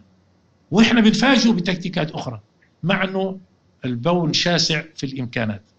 ف7 أكتوبر كانت مفاجأة فاجأت هذا العدو فانهار. أما ال...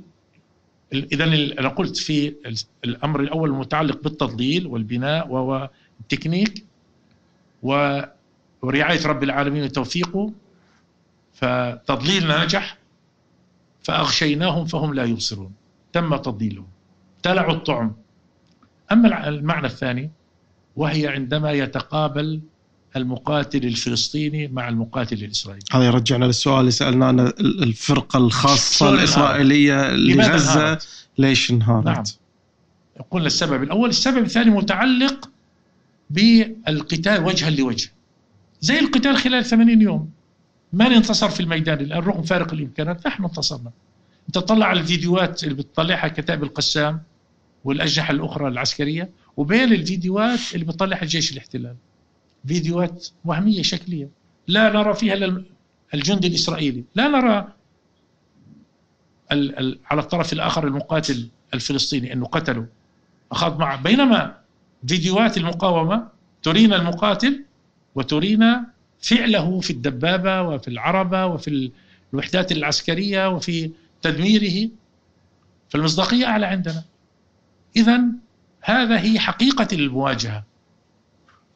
عدونا ربنا قال عنهم لأنتم أشد رهبة في صدورهم من الله. هو يخافنا هم جبناء يسعون إلى أي حياة.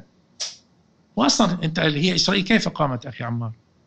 إنه عندما أتى المهاجرون اليهود إلى إسرائيل الدعاية قال تعالوا أنتم ستعيشون بلدا غربيا. بلد السمن والعسل والحياة الرغيدة بلد الرفاهية. بلد الاستهلاك. وواحد ديمقراطية. فاكتشفوا أنه لا نتنياهو يخادعهم وبيتلاعب بالقانون القضائي وعنده فساد. وأيضا اكتشفوا أنه لا هذه أرض لها شعب هذه ليست خالية وفيها شعب ذو بأس شديد. شعب الجبارين اللي لهم بفضل الله تعالى مع بأسهم الشديد إيمان عظيم. فلما قاتلناهم وجها لوجه هربوا.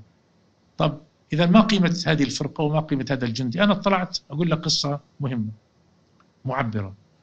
في واحد إسرائيلي عملوا معه في الأيام الأولى أول ثاني يوم ثالث الأيام الأولى ل 7 أكتوبر. بعد 7 أكتوبر. ثاني يوم ثالث يوم بعد 7 أكتوبر. عملوا معه مقابلة آه، مع مذيع إسرائيلي. بس كانت في الهواء الطلق يعني مش في استوديو. فماذا يقول هذا الإسرائيلي؟ واضح أنه مدني هو. يقول لل... على الطرف الآخر يقول هو ما الذي يجمعنا أو ما هو بي... ما... ما الذي بيننا وبين الجيش في إسرائيل؟ بيننا وبينهم عهد. أن يد... يحمونا ويدافعوا عنا مقابل أن نعطيهم أبناءنا ليقاتلوا في الجيش.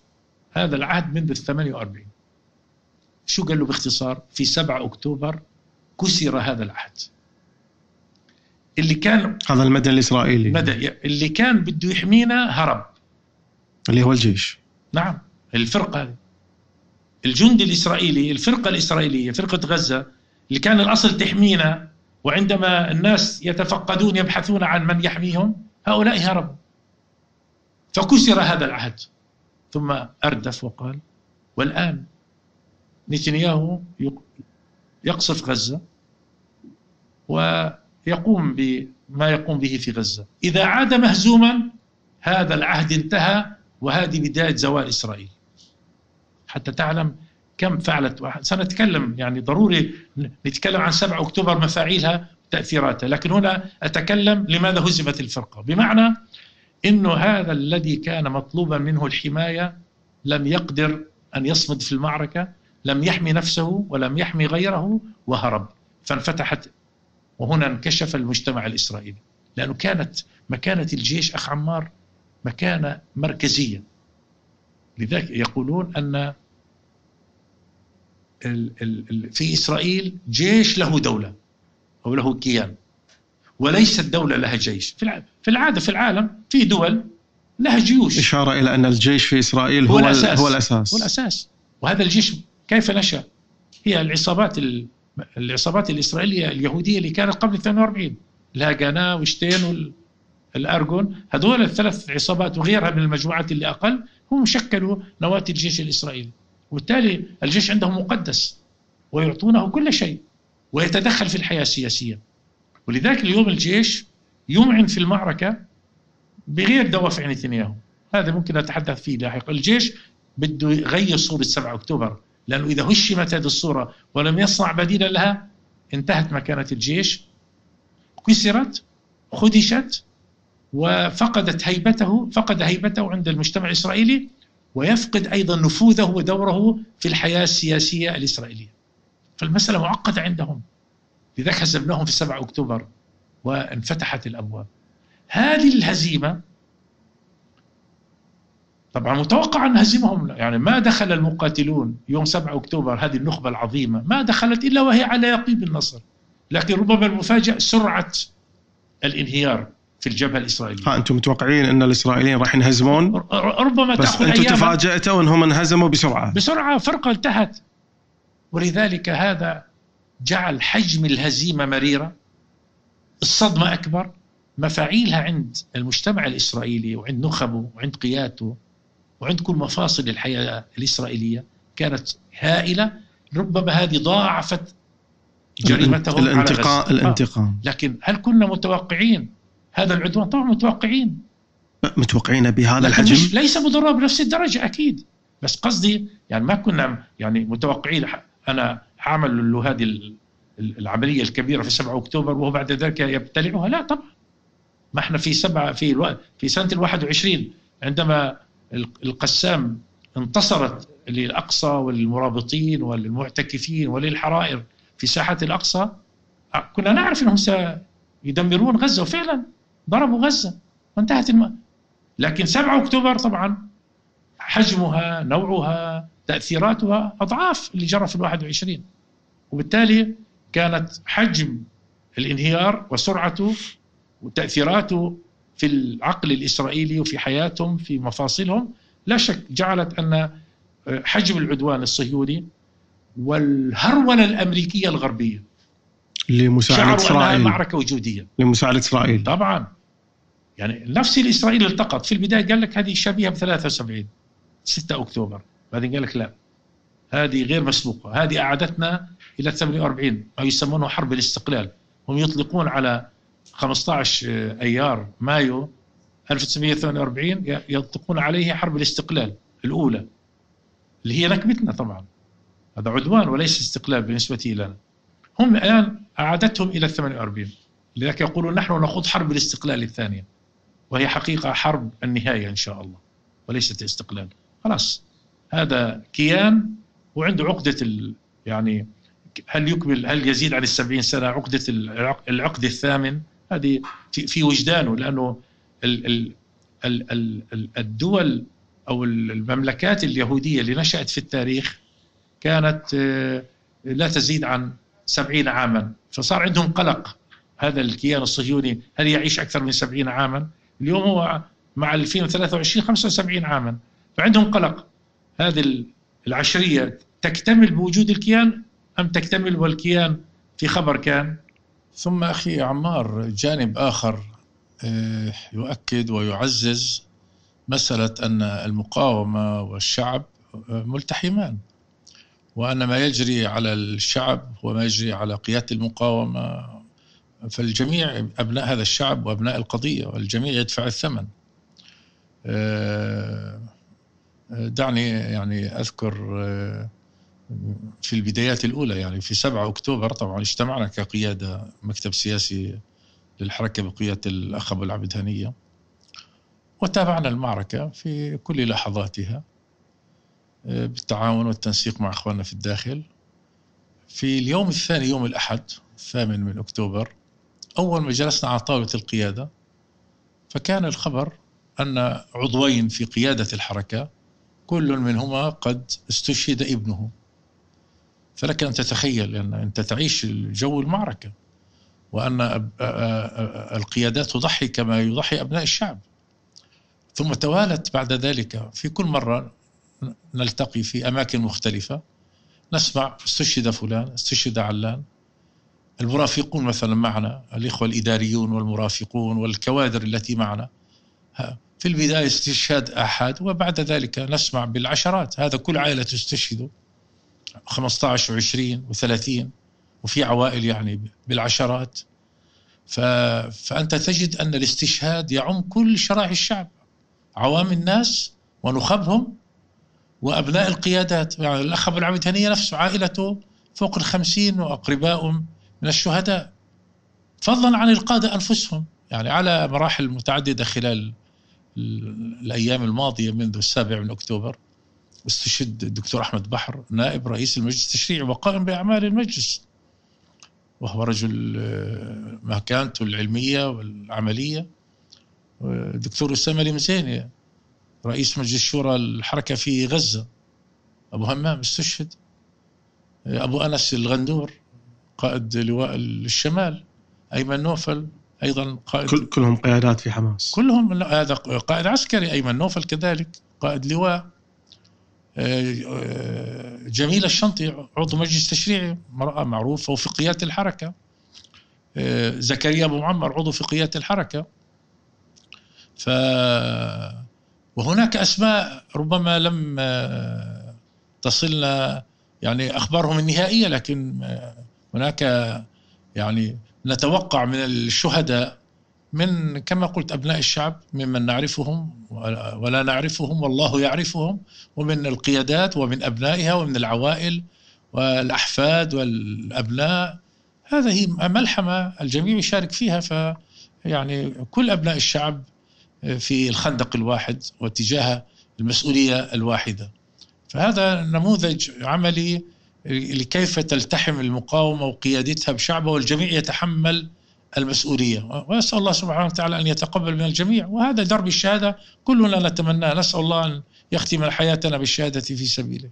طيب أه، يمكن في بداية اللقاء معك أخونا أبو الوليد أه، أه، تتحدث على أن هي غزة أساسا منذ سنوات طويلة مفروض عليها حصار. الوضع ما كان بالصورة الوردية اللي قد البعض يحاول أنه يصورها. أساسا محاصرين تحت احتلال. الوضع آه، ما كان آه، مريح. الناس ما كانت مبسوطة بشكل عام بسبب الحصار والاحتلال. لكن من تابع أحداث ما بعد 7 أكتوبر والدمار الكبير اللي لحق في غزة وأعداد الشهداء اللي بالمئات وبالآلاف. البعض ذكر إن المقارنة بين ما ما قبل 7 أكتوبر وما بعد 7 أكتوبر كان الوضع أفضل. يعني كانت الناس على الأقل تطلع كانت تروح السوق تمارس حياتها بشكل نعم في احتلال وفي تضييق وفي عمليات من هنا وهناك تصير مناوشات تصير بين هنا وهناك. لكن بشكل عام الناس في مدارس شغالة مستشفيات شغالة بشكل طبيعي. في حياة ما راح أقول طبيعية لكن شبه طبيعية موجودة قبل 7 أكتوبر. بعد 7 أكتوبر اللي حصل حصل دمار. حصل اعداد يومية بالالاف من ال من ال من ال من الشهداء. المدارس تعطلت ما في اكل ما في ماي ما في بترول ما في بنزين. بكل تأكيد الوضع قبل 7 أكتوبر كان أفضل انسانيا لأهل غزة من ما بعد 7 أكتوبر. تخيل معي عمار لا سمح الله أنك في ظرف ما تعرضت لسجن. تخيل مثلا كنا نتكلم عن السبعات يعني سبع أي سبع سنوات. والاعتبارات تتعلق بك بالعائلة بمكانتك. آه، قضيت السبع سنوات خدمات في اي بي في المكان وفي الطعام والشراب وما في أذى جسدي. هل هذا يعني يرضيك ويجعل تجعلك تشعر أنك تعيش حياة طبيعية؟ أم تبقى متعلقا بالحرية؟ يعني أن تعيش حالة من شبه الاستقرار أو الاستقرار الشكلي. بعض حاجاتك الإنسانية ملباة. ولو في أفضل خدماتها في اي بي كما قلنا لا ينسيك أنك في سجن وأن وضعك غير طبيعي وأن وضع الطبيعي أنك حر. لأن الحرية جزء من حياة الإنسان الطبيعي. وستبحث عن الحرية. وتخيلت أنك ناضلت وخرجت من السجن وبحثت عن حياة وبدأت تتلمس طريقك وعانيت. لانك فقدت الوظيفة لا سمح الله أو وعانيت سنة وسنتين ولكن أنت في حرية. وجه المقارنة كيف يكون؟ لا أنا في الحرية مهما تكون المعاناة أنا أقبلها. لأنه أنا أعيش الحياة الطبيعية. فعندما نتحدث إن والله أهل غزة ولا أهل القدس ولا الضفة وغزة الآن كون العدوان الأساسي عليها كانوا يعيشون في ظرف أقل سوءا من الحالي وكأن ما قبل 7 أكتوبر هو المعيار وكانوا يعني ستؤبد علينا حياة الاحتلال. لا بس 7 أكتوبر حط فيصل حط الأحداث ما قبل تختلف عن ما بعد. هذا أخي عمار يرجعنا للسؤال الكبير. شعبنا لا يبحث عن تحسين ظروف حياته تحت الاحتلال.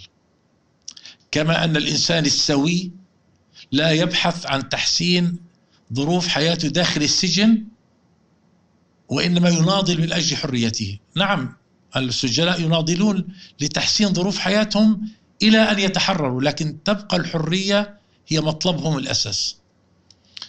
هذا لو كان أهل غزة قبل السبعة أكتوبر يعيشون حياة في اي بي أو حياة حتى بالوضع الطبيعي. لا أنا قلت لك.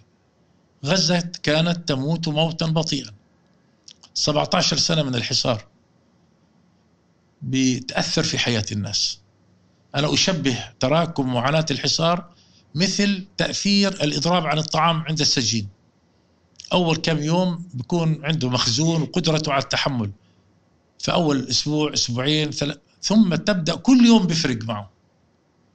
ليش؟ لأنه خلاص هو بدأ في اللحظات الأصعب. فبالنسبة إلى أهلنا في غزة شعبنا شعب هذا شعب حي كان يعيش حياة غير طبيعية. إسرائيل تخرق بالحصار. خذ على سبيل المثال. طب عندك صار بطالة عالية. شعبنا وشعب متعلم وفي جامعات. طب بعد التخرج الدول العادية تعاني من البطالة أحيانا. فكيف من يعيش تحت الحصار؟ لكن على الأقل في الدول الطبيعية الدولة تجتهد أن تجد وظائف لأصحابها ولأبنائها أو يغادرون إلى بلاد أخرى بحثا عن الوظائف والعمل. طبيعة الدول هكذا. والحياة إحنا في عالم واحد. أهل غزة لا يسمح لهم بالسفر إلا ب من عنق الزجاجة. و... بس بعد 7 أكتوبر ما الزجاجة كلها كسرت تمام. هذا ما هي هذه المرحلة. إحنا عندنا مثل بلدي بيقول لك إن ما عكرت ما بتصفى. يعني أنت في الأخير لازم تعكر لازم تعمل مشكلة أو لازم يحصل حاجة خضة زي اللي بيكون عايش في بيت آه، يكاد ينهار على نفسه. لكن مستقر.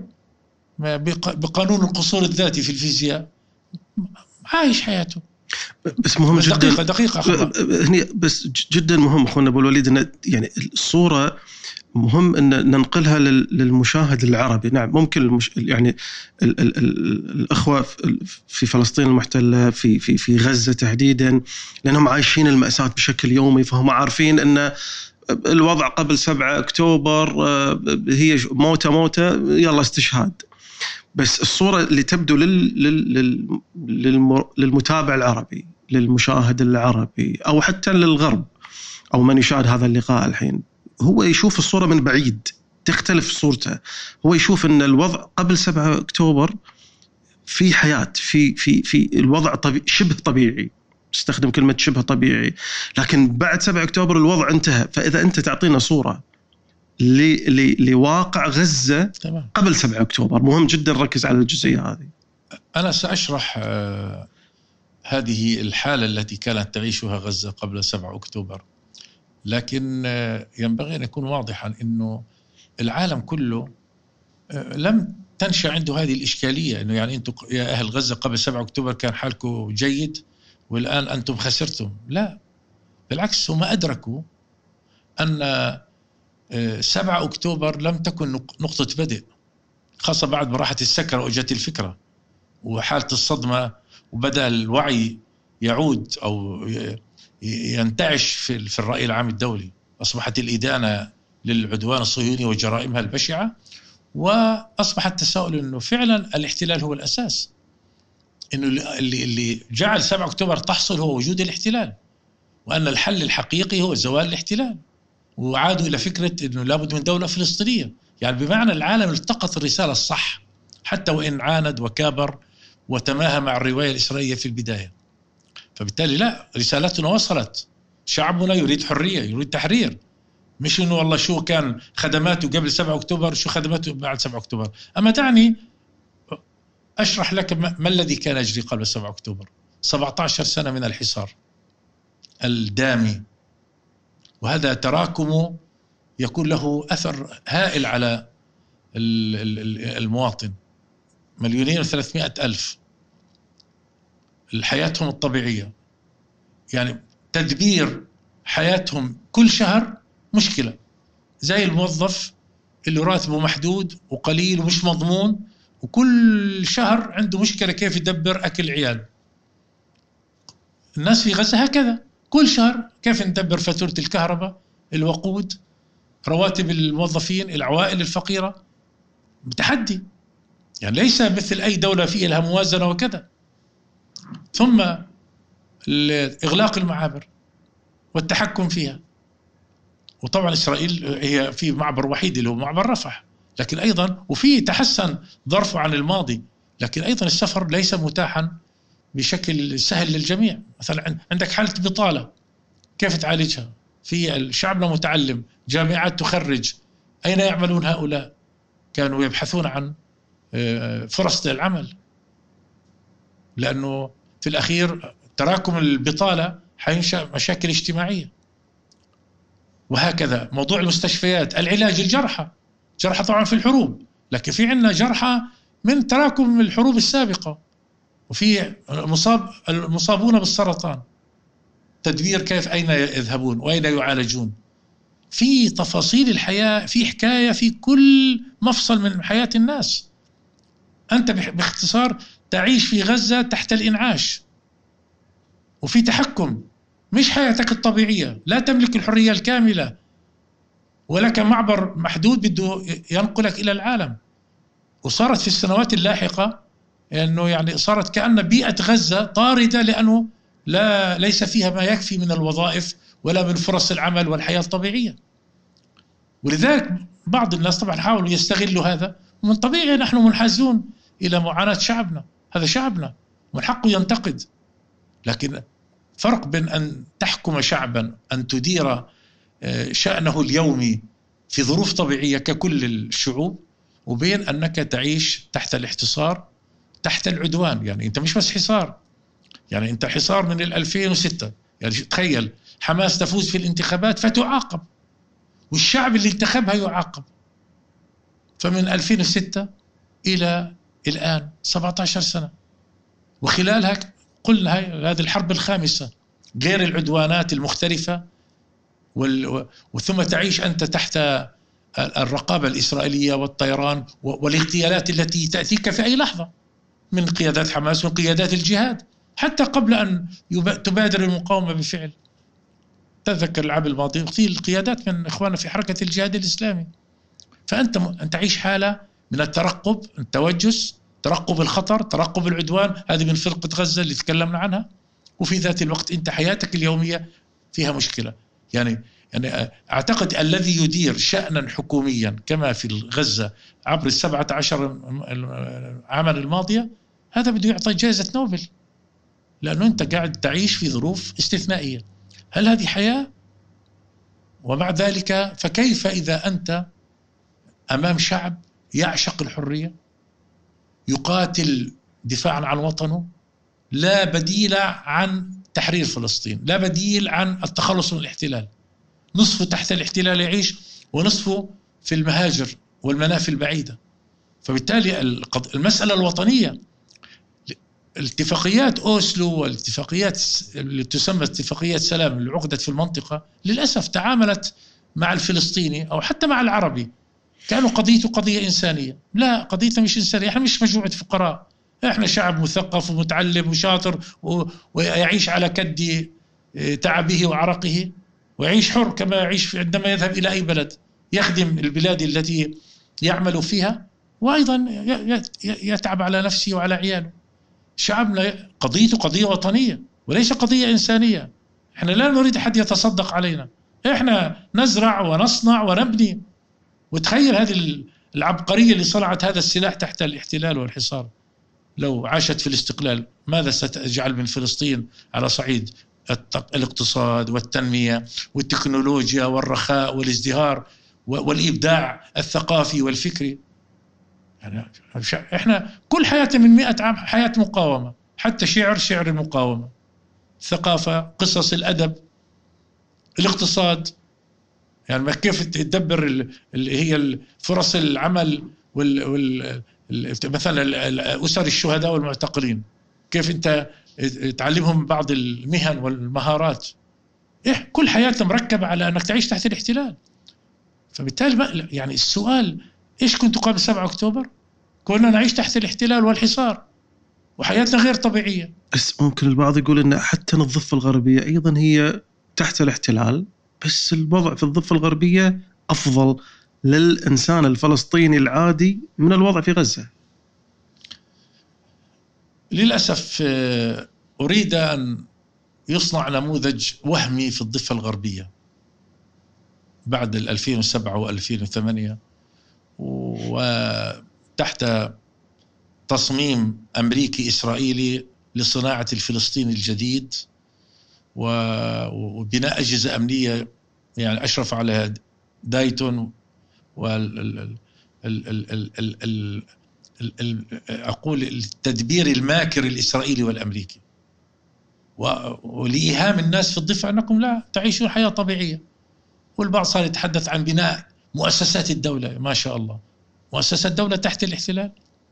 ويعني أنا مشكلتي كفلسطيني في الضفة بدي يكون عندي بس السجاد الأحمر والعلم وعندي غرفة تجارة وعندي بعض الرمزيات اللي عند بعض الدول. طب إيش قيمة هذا؟ وهذا كله يعني مثل ينهار في لحظات. كان صرحا من خيال فهوى. يعني أنت إيش قيمة إنه أنت تكون عندك كل هذه الرمزيات الشكلية وهي لا تقف على أساس. ولذلك هذا الخطأ القاتل أن تبني سلطة تحت الاحتلال. بتريح الاحتلال من تبعات مسؤوليته تجاه الشعوب التي يحتلها وبتحملها لنفسك وأنت مقيد. حتى لما بدك تتحرك في الضفة حتى الرئيس وحتى الوزير والمسؤول في الضفة لما بيتحرك بده يمر على المعبر. معابر. اللي بسموها محاسيم بالعبري. و والجندي الإسرائيلي يتحكم في الكبير والصغير وفي المسؤول والعادي ولا قيمة لهؤلاء بالنسبة له. هذا هذا الشعب تحت الاحتلال. لذلك هذه التجربة انهارت. وبعض اللي توهمها حمل نفسه ديون يأخذ قروض من البنوك وكانوا في مجتمع استهلاكي. كيف؟ أنا اقتصادي نعم أريد أن أعيش حياة كريمة إلى أن أتحرر. بمعنى أعتمد على نفسي.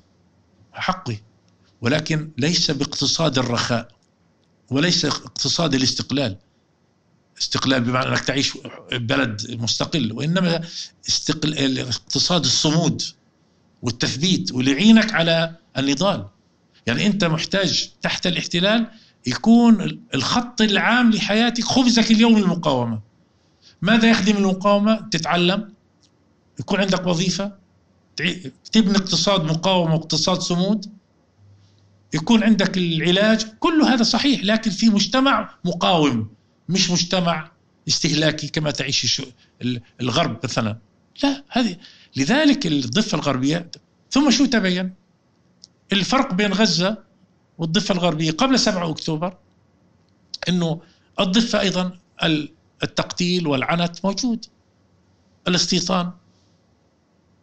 يعني وهذا يمكن نتحدث عنه في قصة يعني 7 أكتوبر ما قبلها وما بعدها على صعيد ما الذي تغير. لكن أنا أتناول هنا من زاوية أنه أهل الضفة يعانون من القتل. حتى بعد وبعد 7 أكتوبر طبعا.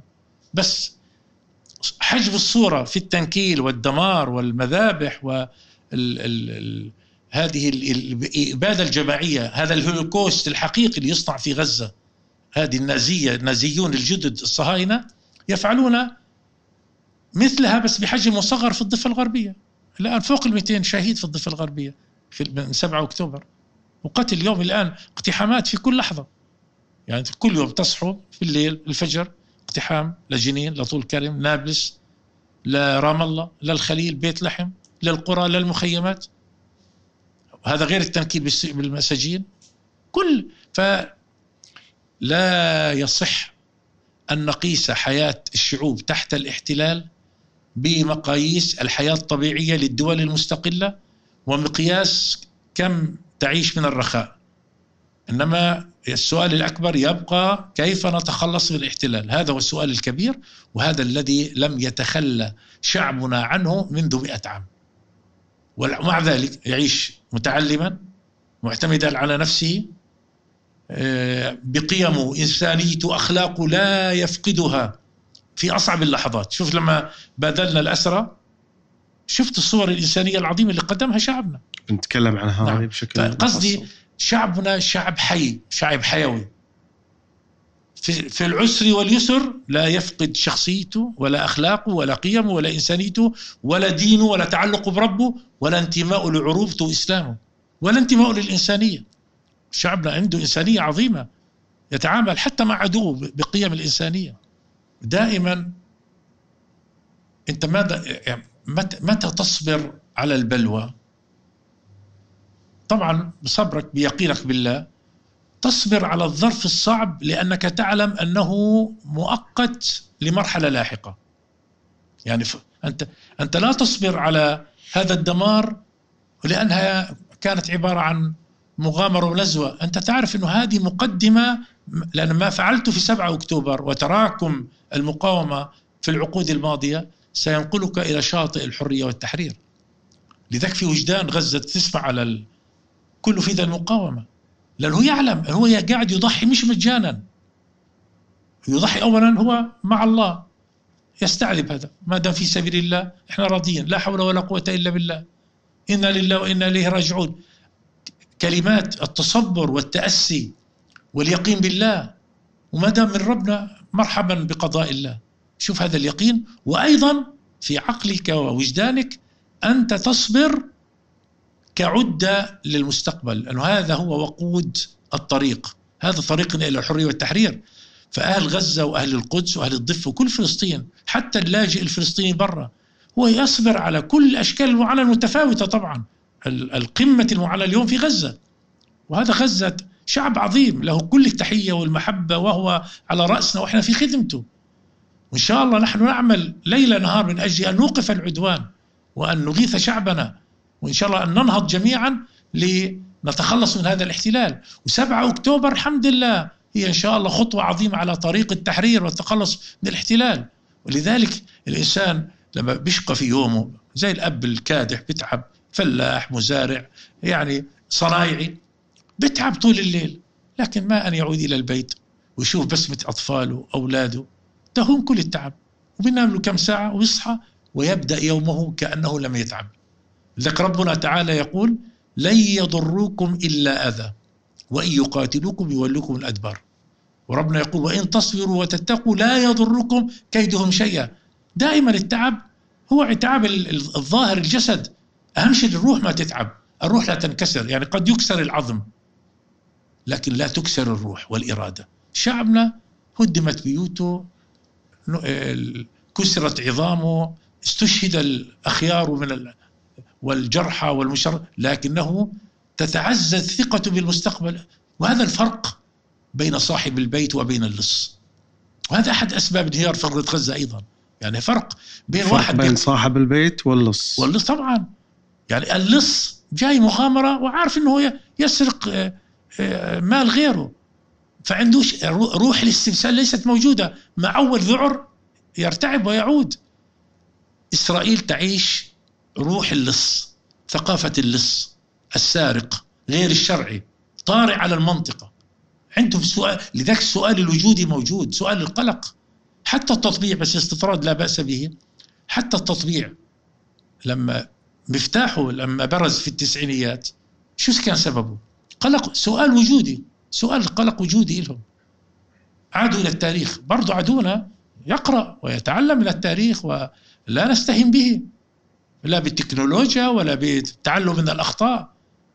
إحنا نقاتل عدوا نعرف إمكاناته ولكن نقاتل بجدية نحن لا نستهين بعدونا لكننا نهزمه. إحنا أصحاب الحق وهم الباطل. هم اكتشفوا بقراءة التاريخ خاصة الحروب الصليبية. سألوا سؤال كبير لماذا خرج الصليبيون من هذه المنطقة بعد 200 عام؟ جلسوا 89 90 سنة في بيت المقدس. وبقيت بقاياهم في المنطقة إلى تقريبا 200 عام ثم غادروا. فهو عنده قلق أنه قد أغادر هذه المنطقة. هذا دليل شكه في شرعيته في إمكانية أن يبقى في المنطقة. فكان السؤال الكبير أنه كان الصليبيون غرباء عن المنطقة وظلوا جسما شاذا غريبا لم يندمج في المنطقة. لم يطبع مع المنطقة ولم تطبع المنطقة معهم. من هنا جاءت مفردة التطبيع. إذا حتى ننجو من مصير الصليبيين ونظل إلى الأبد كما يتوهمون دعونا نفكر في فكرة التطبيع يعني نصبح جزءا من المنطقة. ولذلك هنا وهنا جاء الشرق الأوسط الجديد اللي طرحه بيريز في التسعينيات وبدأت الهرولة للتطبيع كما سميت ونعيش لسه بعض آثارها وإن شاء الله بعد 7 أكتوبر أكيد لا مثل هيك, هيك عدو مجرم لا مستقبل لا وجوده ولا للتطبيع معه ولا للاعتماد عليه أو بناء تحالفات يبنى عليها. هذا موضوع آخر. لكن الشاهد هنا أنه هذا العدو هذه حالة نفسية ولذلك إحنا اليوم الأقدر إن شاء الله على صنع المستقبل. شتان بين عدو غير واثق في المستقبل متشكك. تخيل 7 أكتوبر ترجعوا 73 سنة إلى الوراء أو 75 سنة إلى الوراء إلى 48 بينما شعبنا يتعرض لكل هذا الدمار وهو واثق بالنصر. هذا الفرق فرق بين صاحب القضية العادلة صاحب الحق اللي يشعر أنه متجذر في الأرض كشجر الزيتون والتين ومتجذر بالتاريخ هذا هذا فلسطين يا أخي عمار إلها صفة القداسة والبركة. ادخلوا الأرض المقدسة والبركة باركنا حوله. وهذه تاريخ من الأنبياء والمرسلين والصحابة والتابعين والفاتحين. وكانت فلسطين مقبرة الغزاة. يعني الغزوات الكبرى تحسم في فلسطين. حطين مع الصليبيين وعين جالوت مع المغول. هذا تاريخ. فتخيل من ينتمي إلى هذه الأرض كيف بتكون طاقته النفسية. عنده طاقة هائلة.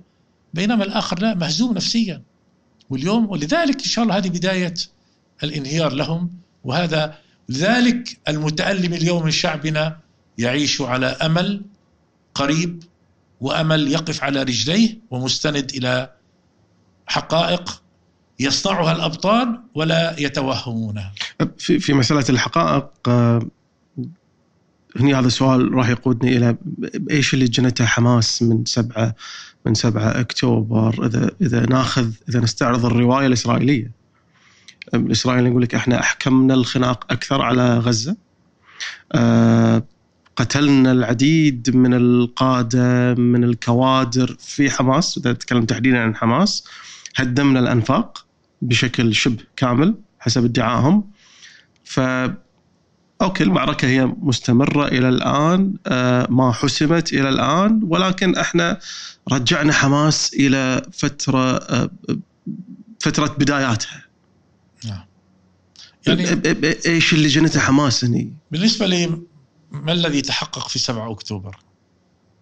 ما هو الإنجاز اللي حققته حماس والمقاومة بما قامت به في 7 أكتوبر والأيام التالية لها؟ دعونا ننظر ماذا كان 7 أكتوبر وماذا جرى بعد 7 أكتوبر. انظر 7 أكتوبر. ذكرتني سبعة قبل 7 أكتوبر تاريخ فاصل هذا. وكنا نعيش ذلك الحدث قبل السبعة وثم... أو في في عام 87 1987 عقد مؤتمر قمة عربي. 87 عام 87 وك... وعلى غير عادة القمم العربية. دائما فلسطين على رأس الأجندة بدت فلسطين متوارية في الفناء الخلفي لأجندة القمة. لأنه خلاص ما في حدث ساخن. تكاد القضية تموت. كان بيروت في 82 انتهت المعركة وشردت البندقية الفلسطينية في عدة بلاد في المنطقة العربية وتراجع الفعل النضالي لاحقا في تلك السنوات. وبالتالي الاهتمام بالقضية قل وأصبحت الاهتمام بقضايا أخرى. وكان هذه خسارة فلسطينية لأنه دائما الاهتمام له علاقة بالمكانة وبالرمزية القضية ولكن أيضا بوجود الفعل والحدث. وإذا بالانتفاضة تأتي كمفاجأة في يوم 8 ديسمبر 1987 بعد حادث المقطورة في جبالي وأيضا غزة تصنع التاريخ. يعني في 7 ديسمبر 1987 في شاحنة إسرائيلية تعمدت دهس آه، سيارة فلسطينية من العمال قتلت أظن سبعة منهم بدأ الغضب. فكانت الانت... هذه الشرارة اللي أشعلت الانتفاضة الأولى انتفاضة الحجارة وانتفاضة الشعب ال... هذه عبقرية شعبنا أخ عمار أنه يفاجئ العالم. العالم بيكون ماشي على معادلات وعلى نظريات و... و- ويظن الأمور خلاص و... وت...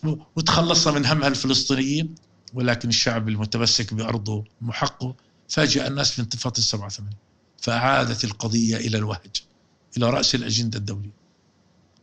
اليوم قبل 7 أكتوبر شو كانت القضية؟ طبعا في ظلم وفي حصار وفي عدوان خاصة حكومة نتنياهو كما قلنا وسموتريتش بن غفير وما يتعرض له الأقصى.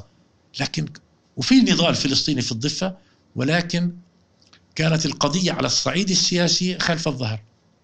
أنت لاحظت في السنوات اللي قبل 7 أكتوبر في عدة سنوات من السنوات القليلة اللي ولا مبادرة فيه. يعني عادة في مبادرات عربية في مبادرات دولية في مبعوث أمريكي في مبعوث أوروبي ما في. يعني لا حتى ال ال ال ما يسمى بعملية السلام ما في. حتى ال process راحت السلام ظل ال process. حتى اللي هي العملية ال process أصبحت شعري لا ضرورة لها. والعالم بكل صفاقة العالم الغربي خاصة الدول الكبيرة شو قالت؟ إنه انتهى حل الدولتين. بس يعني تقول هذه الجملة ولا تبني عليها؟ وهم في وجدانهم يعلمون أن الذي قتل حل الدولتين هي إسرائيل هي الاحتلال. لكن لا يعاقب. تخيل لو أن الذي قتل عملية السلام العرب أو الشعب الفلسطيني شو كان؟ كان سنعاقب. وبالتالي العالم تعامل ببرود وبدأ العالم يبحث عن قضايا الأخرى في أوكرانيا وفي الصين ويعني الصراع الأمريكي الصيني التنافس على القيادة العالمية ومعارك أخرى في المنطقة هنا وهناك وأصبحت قضية فلسطين متوارية وبالعكس فغاب حتى السياسة غابت جف ماء السياسة والمبادرة حتى الشكلية. يعني حتى الإرضاء الغربي للعرب بشوية مسوح وشكليات غابت. وبالتالي قبل 7 أكتوبر كانت القضية في المجاهيل تقريبا. هذا رقم واحد. سنتحدث شو صار بعد 7 أكتوبر. الأمر الثاني الأقصى كان كما قلنا يعني على على وشك الهدم. الضفة الغربية تبتلع وتؤكل ومشروع التهجير كان شغال. ويتوعدون بلدات فلسطينية لحرقها وإزالتها عن الوجود وإذا بدكم دوله روح على الأردن يعني بده يعمل بده يتخلص منها ويعمل أزمة مع الأردن. حتى الرعاية الأردنية للمسجد الأقصى والأماكن المقدسة بدأت تقضم بفعل المخطط الإسرائيلي. أيضا قبل 7 أكتوبر كان الاستيطان بلع الضفة الغربية. يعني لا يعني بعض الناس يقول لك 7 أكتوبر لخبطونا طب هو أوسلو إيش عملت؟ اوسلو 93 إلى 2023 30 سنة. عارف شو صار في المستوطنات أخي عمار؟ تضاعفت سبع مرات. كان عدد المستوطنين في عام 93 قبل أوسلو حوالي 115 ألف. الآن فوق ال 750 ألف. هذا غير المستوط... البؤر الاستيطانية المبعثرة حوالي 25 ألف. تخيل سبع مرات يضاعف. حجم التهويد في القدس. وإزالة الأحياء والهدم والدمار. تعمق مشروع الهدم الأقصى وتهويده والتقسيم. حتى نجحوا في التقسيم الزماني. في أوقات معينة ممنوع دخول الأقصى. يعني وقت الضحى ممنوع. خلاص هذه يمنع. هذا ما هذا ما كان موجود في السابق. طبعا ما كان موجود. هذا يعني في آخر أشهر تقريبا يعني فرضوه امرا واقعا. وبعد بين صلاة الظهر والعصر وقت مشان يأتي سواء السياح أو المقتحمون من الصهاينة وكذلك بعد العصر. ولو طال الزمن لقسموه مكانيا أو هدموه. فقبل 7 أكتوبر كانت كل هذه البلاوي في طبعا القتل عشرات الآلاف تم سجنهم من بداية أوسلو ل 23 خلال 30 سنة. غير ال ال ال ال الشهداء. يعني شعبنا أخ عمار لم يكن 7 أكتوبر يعيش حياة طبيعية.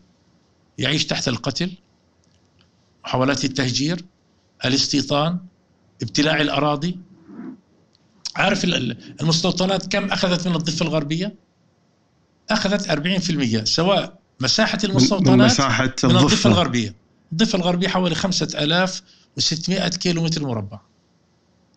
40% منها عمليا صودر لصالح المستوطنات سواء الأماكن البناء والفناء اللي حولها.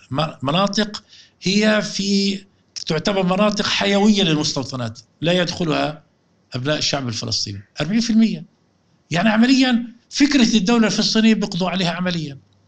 فهذه الضفة هذه القدس هذا الأقصى السجناء حدث ولا حرج التنكيل اليومي مستمر. 48 أيضا. المعاقبة أخرجوه عن القانون. أوجدوا في الحالة ال 48 لأن الشعب لم يفقد هويته الفلسطينية والعربية والإسلامية. مشاريع الأسرى من 48 لم تنجح معه. فظل انتماء الفلسطيني عميقا بفضل الله. وبدأ هذا في حرب ال 21 سيف القدس. فهم عاقبوه معاقبة شرسة بعد ال 21 أخرجوه عن القانون. ممنوع التغريدة تخيل. مجرد تغريدة هيك يسجن فيها.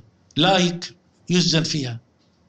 ف وأهل غزة شرحت لك المعاناة. كانت قبل 7 أكتوبر من الحصار والتجويع والقتل اليوم البطيء. وكذلك شعبنا في الشتات يعيش بعيدا عن أرض الوطن. يعني ممكن الواحد يصبر يعيش بعيدا عن وطنه سنة وسنة. لكن إحنا من ال 75 شعبنا يعيش. واللي بتعاون ال 67 بعد يعني 36 عاما 56 عاما. فبالتالي قبل 7 أكتوبر ما كانش الحياة جميلة. ولم تكن أمورنا طبيعية و7 أكتوبر يعني قلبت الأمور راسا على عقب. يعني ما خسرناش خسارة يعني كان كنا متمتعين في مزاياها قبل 7 أكتوبر. 7 أكتوبر نعم قلبت عاليها سافلة. 7 أكتوبر أسست لتحول كبير جديد. وبدي أركز على أربع أربعة أشياء. وأنا من خلال شرح الماضي يتضح الحكي عن مفاعيل 7 أكتوبر. وإيش اللي جنى تحمس وإيش اللي جرى؟ اولا عادت القضية الفلسطينية إلى صدارة المشهد العالمي. اليوم ما حد بيسمع في أوكرانيا. التركيز على الحدث الفلسطيني، نعم مؤلم لكن حدث أصبحت غزة قبلة العالم. مركز العالم اليوم، مركز الاهتمام. الفلسطينيه عادت إلى الاهتمام الدولي. في مسؤول عربي التقيناه في الأيام الأولى للحرب فمما قاله لنا في الأيام الأولى يمكن أول أربع خمس أيام قال اتصل بي مسؤول أوروبي وقال له بصراحة قبل 7 أكتوبر نسينا القضية الفلسطينية كانت منسية اليوم عادت إلى مركز الاهتمام. هذه أول رد فعل طبيعي.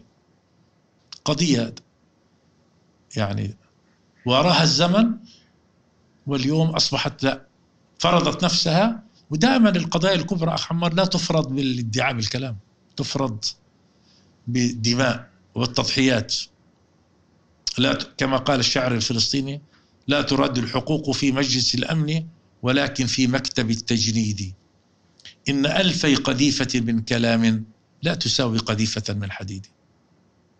في أحيانا بتدب الصوت أنت وترفع عقيرتك وبتصيح ولا أحد يسألك لأنه العالم لا يحترم الضعفاء والبواعث الإنسانية للأسف ضعفت في بالذات في أجندات الدول خاصة الاستعمارية.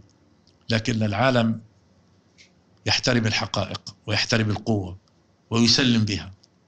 فلذلك اليوم القضية في الحمد لله عادت إلى الصدارة وعلى الأقل صار يتكلم لا لابد من زوال الاحتلال لابد من دولة فلسطينية. طبعا نتنياهو جماعته إن لابد من حل. إيه طبعا نحن لا نركن على هذا لكن هذا بس تغيير ولو شكل في خطابهم لكن على الأقل في وجدان الشعوب لا في تغيير حقيقي. يعني شوف استطاعت الرأي. لما 51% من الشباب الأمريكي من عمر 18 سنة إلى 24 سنة. يقولون نحن مش بس مع القضية نحن مع حماس. ثم جاء استطلاع بعده وقالوا ينبغي أن تسلم فلسطين من النهر إلى البحر لحماس الشعب الفلسطيني مش لإسرائيل. لأول مرة في خطاب في الرأي العام الدولي يتكلم عن انتهاء إسرائيل. وذاك الشباب الأمريكان شو شعارهم؟ فلسطين حرة من النهر إلى البحر. تخيل هذا خطاب الشارع العربي بيتكلم وبعض اليسار الغربي لكن اليوم في الولايات المتحدة نفسها وفي الشارع الأوروبي وفي الشرق والغرب بفضل الله. هذا مكسب كبير. فمهما كانت الأثمان والتضحيات 7 أكتوبر أعادت القضية إلى مكانتها الطبيعية. هذا أولا. أولا. ثانيا في مشروع التحرير. أنا قلت في البداية أنه 7 أكتوبر سياقه الأهم أنه جزء محطة كبيرة في مشروع التحرير. ما الذي تحقق تجاه العدو نفسه؟ أنت أفقدت ثقته بنفسه. ما هي المعارك؟ كيف تحسم أخي عمار؟ كيف تحسم المعارك؟ إما أن تكسر عدوك ماديا على الأرض خلص ويرحل. ينتهي تسحقه. وأحيانا تكسره نفسيا. نتيجة أنه هو فشل معك وأنت أوقعت به خسائر وأصبح يائسا أن يهزمك. يعني أن يصل العدو إلى يأس. الانتصار عليك وهزيمتك هذا بحد ذاته بداية الهزيمة له. خاصة لما بيكون زي ملاكم قوي وعلى الحلبة ومفترض ينتصر دائما من الجولات الأولى. ويجي ملاكم حديث العهد صغير وبنيته أقل ويصمد معه حتى الحلق ال ال يعني حتى الجولة 12 ولا 14 أو 15 حسب جولات الملاكمة. هنا يصاب باليأس. معقول هذا يهزمني؟ أصلا اللي هزم العدو نفسيا أنه غزة تتجرع علي. طب أنا جيوش في المنطقة لا تتجرع علي. هذا الجيش الذي لا يقهر. إسرائيل يعني أشاعت وكرست الأسف في العقل الواعي وغير الواعي أنها الجيش الذي لا يقهر. وأن حروبها خاطفة وأنه لا قبل لأحد بها. وكانت تعبر عن رمزية معاركها اللي انتصرت فيها علينا للأسف بتعبيرات بتبكتنا يعني بت تقتلنا نفسيا. هذا هكذا تريد. لما قالت حرب الأيام الستة حرب 67 يا سلام. يعني إسرائيل تهزم تهزمنا كعرب في ستة أيام؟ لما ضربوا المفاعل تموز سنة ال 81 أيام شامير المفاعل النووي بتاع العراق. شو سم... عملوا فيلم سموه دقيقتان فوق سماء بغداد. يعني بمعنى العرب استخفاف بالعرب إن أنا في وقت قصير طبعا. أخلص الموضوع. وإذا صارت تقدم نفسها للعالم ان لا أنا صاحب الخبرة. حتى تذهب شوف المتقاعدين الأمنيين من الموساد والشاباك والمتقاعدين العسكريين الإسرائيليين صاروا خبراء في أفريقيا وأمريكا اللاتينية. لتسويق خبرتهم في الاغتيالات في القتل وفي بناء الأجهزة الأمنية وتسويق سلاحهم. إحنا شو عملنا؟ كل هذه الصورة هشمناها. هذه المركبة اللي تعبوا عليها.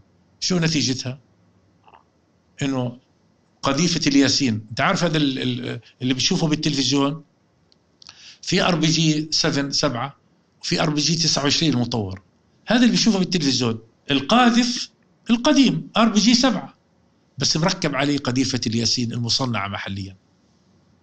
والقاذف نفسه مصنع. فتخيل كل التكنولوجيا اللي تعبت عليها إسرائيل تأتي هذه المصنوعات المحلية تدمرها. وتفعل هذه مباركة الشيخ أحمد ياسين هذا الرجل العظيم اللي آه، حسنا إخواني المصنعون اختاروا قذيفة الياسين لأن هي اليوم السلاح اليومي في المعركة. حتى الجدار اللي بنوا دفعوا عليه مليارات حول غزة. الجدار العازل. العازل. تخيل في 7 أكتوبر جر كم جرافة هدمت كل هالتكنولوجيا بأدوات بسيطة وبعبقرية المقاومة وبجرأة أبطالها وجرأة الشعب اللي دخل وراء المقاومة. الشعب هذا ملتف حول المقاومة ويثق بها. فأنت في 7 أكتوبر أعدت العدو إلى نقطة الصفر إلى 48 هاي اثنين. ودمرت صورته أمام العالم أمام في كجيش لا يقهر وقدراته وتكنولوجيا وإمكاناته وشككته في المستقبل. واليأس أحد مفاتيح الانتصار على عدو تيئسه ذاك القرآن قال اليوم يئس الذين كفروا من دينكم فلا تخشوهم واخشون اليوم أكملت لكم دينكم وأتممت عليكم نعمتي ورضيت لكم الإسلام دينا. هذا التيئيس هذه هذه من أواخر ما نزل من القرآن. يعني بمعنى خلص انتصار المسلمين على أعدائهم في عهد الرسول صلى الله عليه وسلم أوصل الكفار إلى حالة الاستسلام. اليوم شعبنا الفلسطيني سيوصل هذا العدو إلى حالة الاستسلام. ولذلك بيعتبر حرب وجودية. ولذلك أنا أقول 7 أكتوبر أيا كانت النتائج بعدها. 7 أكتوبر حفرت نتائج لا تنمحي. لا يستطيع العدو أن يتجاوزها. بحاول يصنع صورة نصر. مهما صنع وحتى الآن لم ينجح لكن لن تعالج الآثار الآثار التدميرية التي أصابت عقله وجدانه نظريته الأمنية جيشه أجهزته الأمنية التكنولوجيا ثقته بنفسه الأجيال إلى آخره.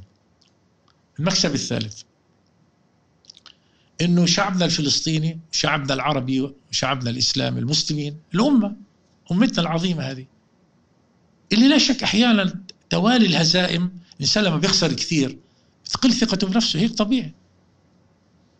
تيجي ذكر إحنا هزمنا في 48 56 67 73 صح انتصار لم يكتمل لكن كان انتصار مهم. في العاشر من رمضان 6 أكتوبر كان مهم. أعاد الثقة للأمة بنفسها وللجيوش بنفسها. وهذا اللي بدنا إياه أنه أمتها تثق بنفسها وجيوشنا العربية تثق بنفسها. اليوم بفضل الله تعالى 7 أكتوبر أعطت يعني رسالة ثقة عميقة تطعيم ثقة جرعة من الثقة تعالج وتوازي بل تفضل الكثير من المحاضرات. يعني شو بدك تحكي للناس عن محاضرات؟ الفعل. الجواب ما ترى لما تسمع. فاليوم في 7 أكتوبر قلنا للأمة لا هذه إسرائيل يمكن هزيمتها. واللي براهن يستقوي بإسرائيل. من أجل بعض حساباته في المنطقة هو غلطان. إسرائيل تحتاج من يحميها لا أن تحمي غيرها. يعني بالله عليك لو أنت مكان مسؤول في المنطقة بدون ما نسمي. وبعد كان يعتقد إنه تحالفه مع إسرائيل بيعمل مصالح اقتصادية وأمنية وبيخدمه وإذا عنده نزاعات مع هنا وهناك بيكون حليف قوي له.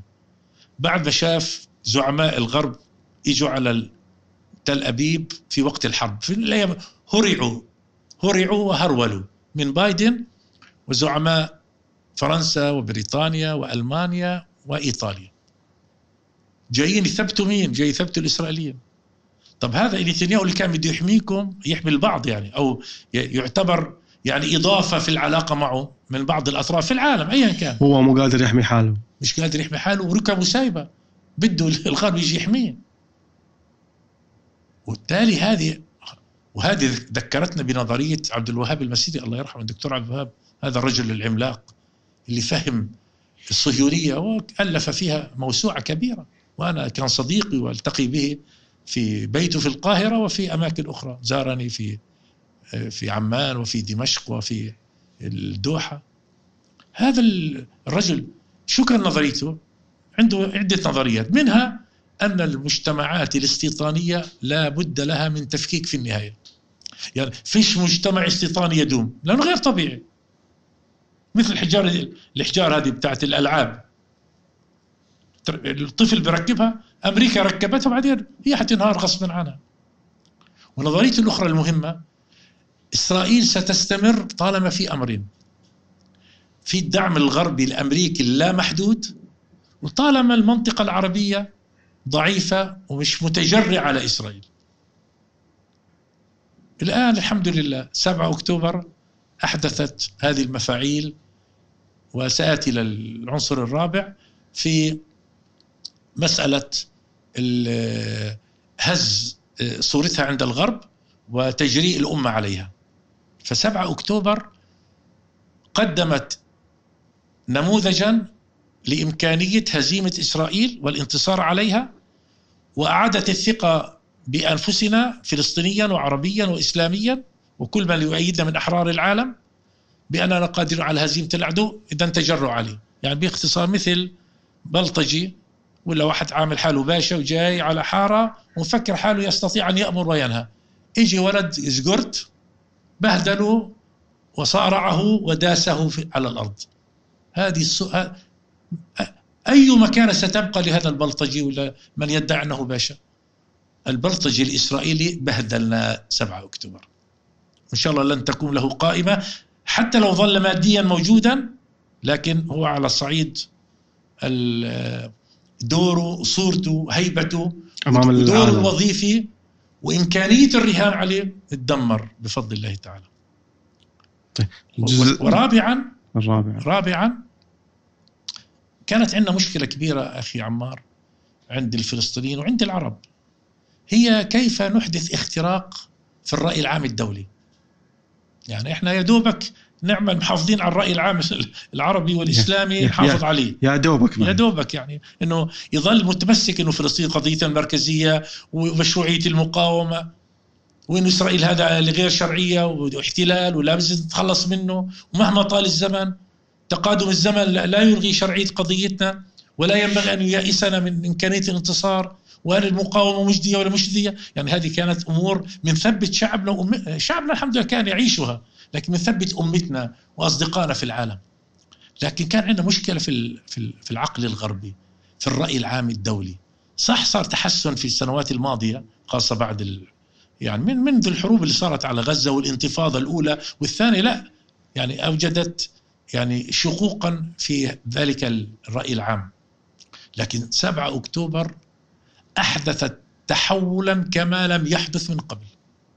هذا لبسناه في الشارع في المسيرات يعني أنت انظر للمدن الأمريكية حجم المظاهرات في انظر للعواصم الأوروبية لندن مليون بني آدم بيطلعوا والمتحمسون لها البريطانيون الأوروبيون البيض أنفسهم أكثر من الجاليات العربية الإسلامية، معنى الجاليات العربية الإسلامية منخرطة بكل ثقة وشجاعة ومسؤولية الحمد لله. والهتافات. ومن وفلسطين من البحر إلى النهر.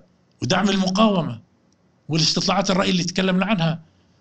وحتى تأثيرها في الحزب الديمقراطي. وعند الجناح اليساري بالذات. تأثيرها في في الداخل حتى المؤسسات الأمريكية الكونغرس الخارجية تأثيرها في حتى المتدربين في البيت الأبيض هذول النخبه اللي جايبينهم يدربوهم ويراهنوا على أدوارهم صار عندهم تحول في الموقف لأن شعروا صح واضح إنه صاحب الحق الشعب الفلسطيني وحماس وغزة والمقاومة وإنه هذه إسرائيل بلطجية وهذه تجاوزت كل الحدود. بتدمر مستشفى المعمداني تقتل الأطفال عشرين فوق ال 21 ألف حتى هذه اللحظة من الشهداء نصفهم من الأطفال. ال ال ال التهجير محاولة التطهير العرقي والتهجير. موضوع طبعا الجرحى فوق ال 55 ألف. هذا الدمار الواسع. لذلك اليوم إسرائيل تمنع الإعلام الغربي أن يسجل بعدساته آه، الجريمة هذه الهولوكوست هذا الدمار. لأنه أكيد حيعمل صدمة عند العالم الغربي. وهو الآن في تحولات الحمد لله. طيب هذا التحول طب ما هي هذا الشريان الحيوي الذي يدعم إسرائيل؟ صحيح ال ال الإدارات الغربية والعواصم الغربية الرسمية ما زالت منحازة لإسرائيل. لكن في وجدانها تعرف أن هؤلاء ليسوا على حق بس مكابرة. في نفاق. يعني الألمان عندهم عقدة أنه والله في نازية وإحنا حرقنا اليهود. طب هذه اشتغلها هتلر. لماذا تحملون وتتوارثون هذه العقدة؟ في عقدة في نفاق في طبعا التقاء هذه الصليبية الجديدة مع مع مع الصهيونية. وشكلوا هذا التواطؤ على قتل الأطفال والدمار. كل هذا فيه خسارة. لكن التحولات في الرأي العام الغربي عند المسيحيين وعند اليهود كثير من يهود العالم هم ينتقدون إسرائيل. بالعكس تعرف كثير من قطاعات اليهود يشعرون أن إسرائيل باتت عبئا عليهم. طب إسرائيل كانت تقريبا قبل مئة عام أو أقل كانت في عقدة تجاه اليهود في العالم ويعيشون في الجيتو وفي قوانين تنبذهم بسبب سلوكهم الاقتصادي والربا وغيره. تغيرت الصورة. اليوم كأن سلوك إسرائيل الهمجي النازي يعيدهم إلى نقطة الصفر وإلى الوراء. ويصبحون مجتمعات معزولة في الجيتو منبوذة. ترى هذه التفاعلات الناس قد لا يقرؤون لكن مهمة جدا. وأنا بالتعبير القرآني إلا بحبل من الله وحبل من الناس. هي إسرائيل كانت تعيش على حبل الناس. وجعلناكم أكثر نفيرا. اليوم 7 أكتوبر هذا حبل الناس بدأ يتقطع ويتهشم ويهترئ إلى أن ينقطع. وستأتي لحظة هذا المجتمع هذا الرأي العام الإنساني. الإنسانية عميقة. يعني ربنا يعني خلقنا على الفطرة. يعني الفطرة الإنسانية فطرة سوية. لكن الحضارة والثقافة والمنتجات اللاحقة بتدمر هذه القيم الإنسانية. قيم الحرية الرحمة العدالة. اليوم أنا تقديري 7 أكتوبر أوجدت اختراقا عظيما في الرأي العام الدولي وتحولا بإذن الله تعالى لصالح قضيتنا وسيرتد ضد إسرائيل. فتخيل 7 أكتوبر. بضع ساعات يا أخي عمار. تفعل هذه المفاعيل الأربع الله أكبر بينما الخطاب والتوعد والبيانات ومشاريع التسوية والمبادرات السياسية لم تغير شيئا. أنت في 7 أكتوبر غيرت كل هذا. والثمانين يوم والزيادة اللي إحنا بنعيش هذه الأيام بوجه البطولة للمقاومة وعرسها كتاب القسام والوجه الإنسان الصامد لشعبنا وكذلك فداحة الجريمة وبشاعتها كل هذا بيفعل بيعمل مفاعيل كبيرة. لذلك نعم أنا ب... كلنا بنتألم وإحنا كلنا جزء من الضحايا للجريمة الإسرائيلية ولكن كل شيء له ثمن.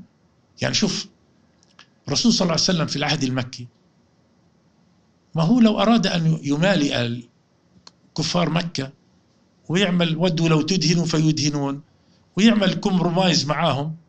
وقالوا نجعلك ملكا ولا بدك إياه. لكن لا كان واضحا. قولوا لا إله إلا الله. الثمن اللي دفعوه كبير. الرسول أوذي.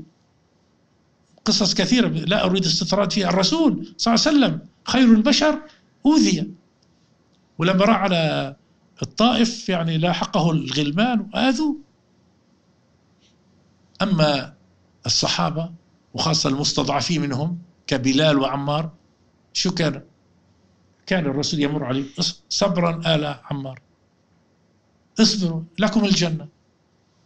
يعني الرسول في لحظة القائد مهما كانت قدراته قد لا يستطيع أن يدفع الضر عن جماعته. زي الأب في البيت قد لا يستطيع أن يدفع. لكن اصبروا لأنه إحنا رايحين لتحول. ما هي إلا سنوات؟ حتى هؤلاء المستضعفون أصبحوا سادة العالم. ولذلك إحنا الشعب يعيش هذه الحالة أخي عمار. يشعر أنه 7 أكتوبر نعم يدفع أثمان باهظة لكن هذه ليست السودان ولن يتركم أعمالكم. أبدا. إن الله يدافع عن الذين آمنوا إن الله لا يحب كل خوان كفور. أذن للذين يقاتلون بأنهم ظلموا وإن الله على نصرهم لقدير. فاليوم إحنا نعيش تاريخ جديد والله. ولكن طبعا نتألم لآلام شعبنا. واليوم قيادة الحركة بالتعاون مع دول المنطقة وأصدقائنا وحلفائنا نعمل كيف نساعد في تخفيف المعاناة. يعني عندنا هدفين كبار. اليوم هدف وقف العدوان بأسرع ما يمكن. رغم الصمود لكن أنا معني أوقف العدوان على شعبي. والأمر الثاني إغاثة هذا الشعب. ومساعدته بكل أشكال الإغاثة الشعبية والرسمية. وبتسند المعركة بالحراك الشعبي. وهذه فرصة أيضا أقول أنه الطوفان السبعة أكتوبر طوفان الأقصى استدعى طوفانات في الأمة. فبدها هذه الطوفانات تعود إسناد المعركة أو هي موجودة لكن نجددها. ذاك أنا أطلقت شعار أخي عمار قلت إحنا اليوم في المعركة مثل العشر الأواخر من رمضان. أول ما يجي رمضان بتحمس الواحد أول عشرة أيام بعدين بيسترخي شوية لما بتيجي موسم اللي هو التتويج ليلة القدر والعشر الأواخر خلاص الرسول كان يشد مئزره ويحيي ليله ويعتزل النساء تفرغ. اليوم المعركة قضينا فوق الثمانين يوم. طب أقول المعركة ستنتهي إن شاء الله وسيرغم العدو أن تنتهي. طب إحنا شو دورنا؟ أنا دوري كعربي وكمسلم وكمتعاطف مع القضية دوري الانتظار والترقب لا دوري أن أسهم في صناعة القفلة بتاعت المعركة طيب آه، إحنا إحنا إحنا راح نتوقف هنا وراح نكمل آه، حديثنا إن شاء الله في في الجزء الثاني معاك أخونا أبو الوليد.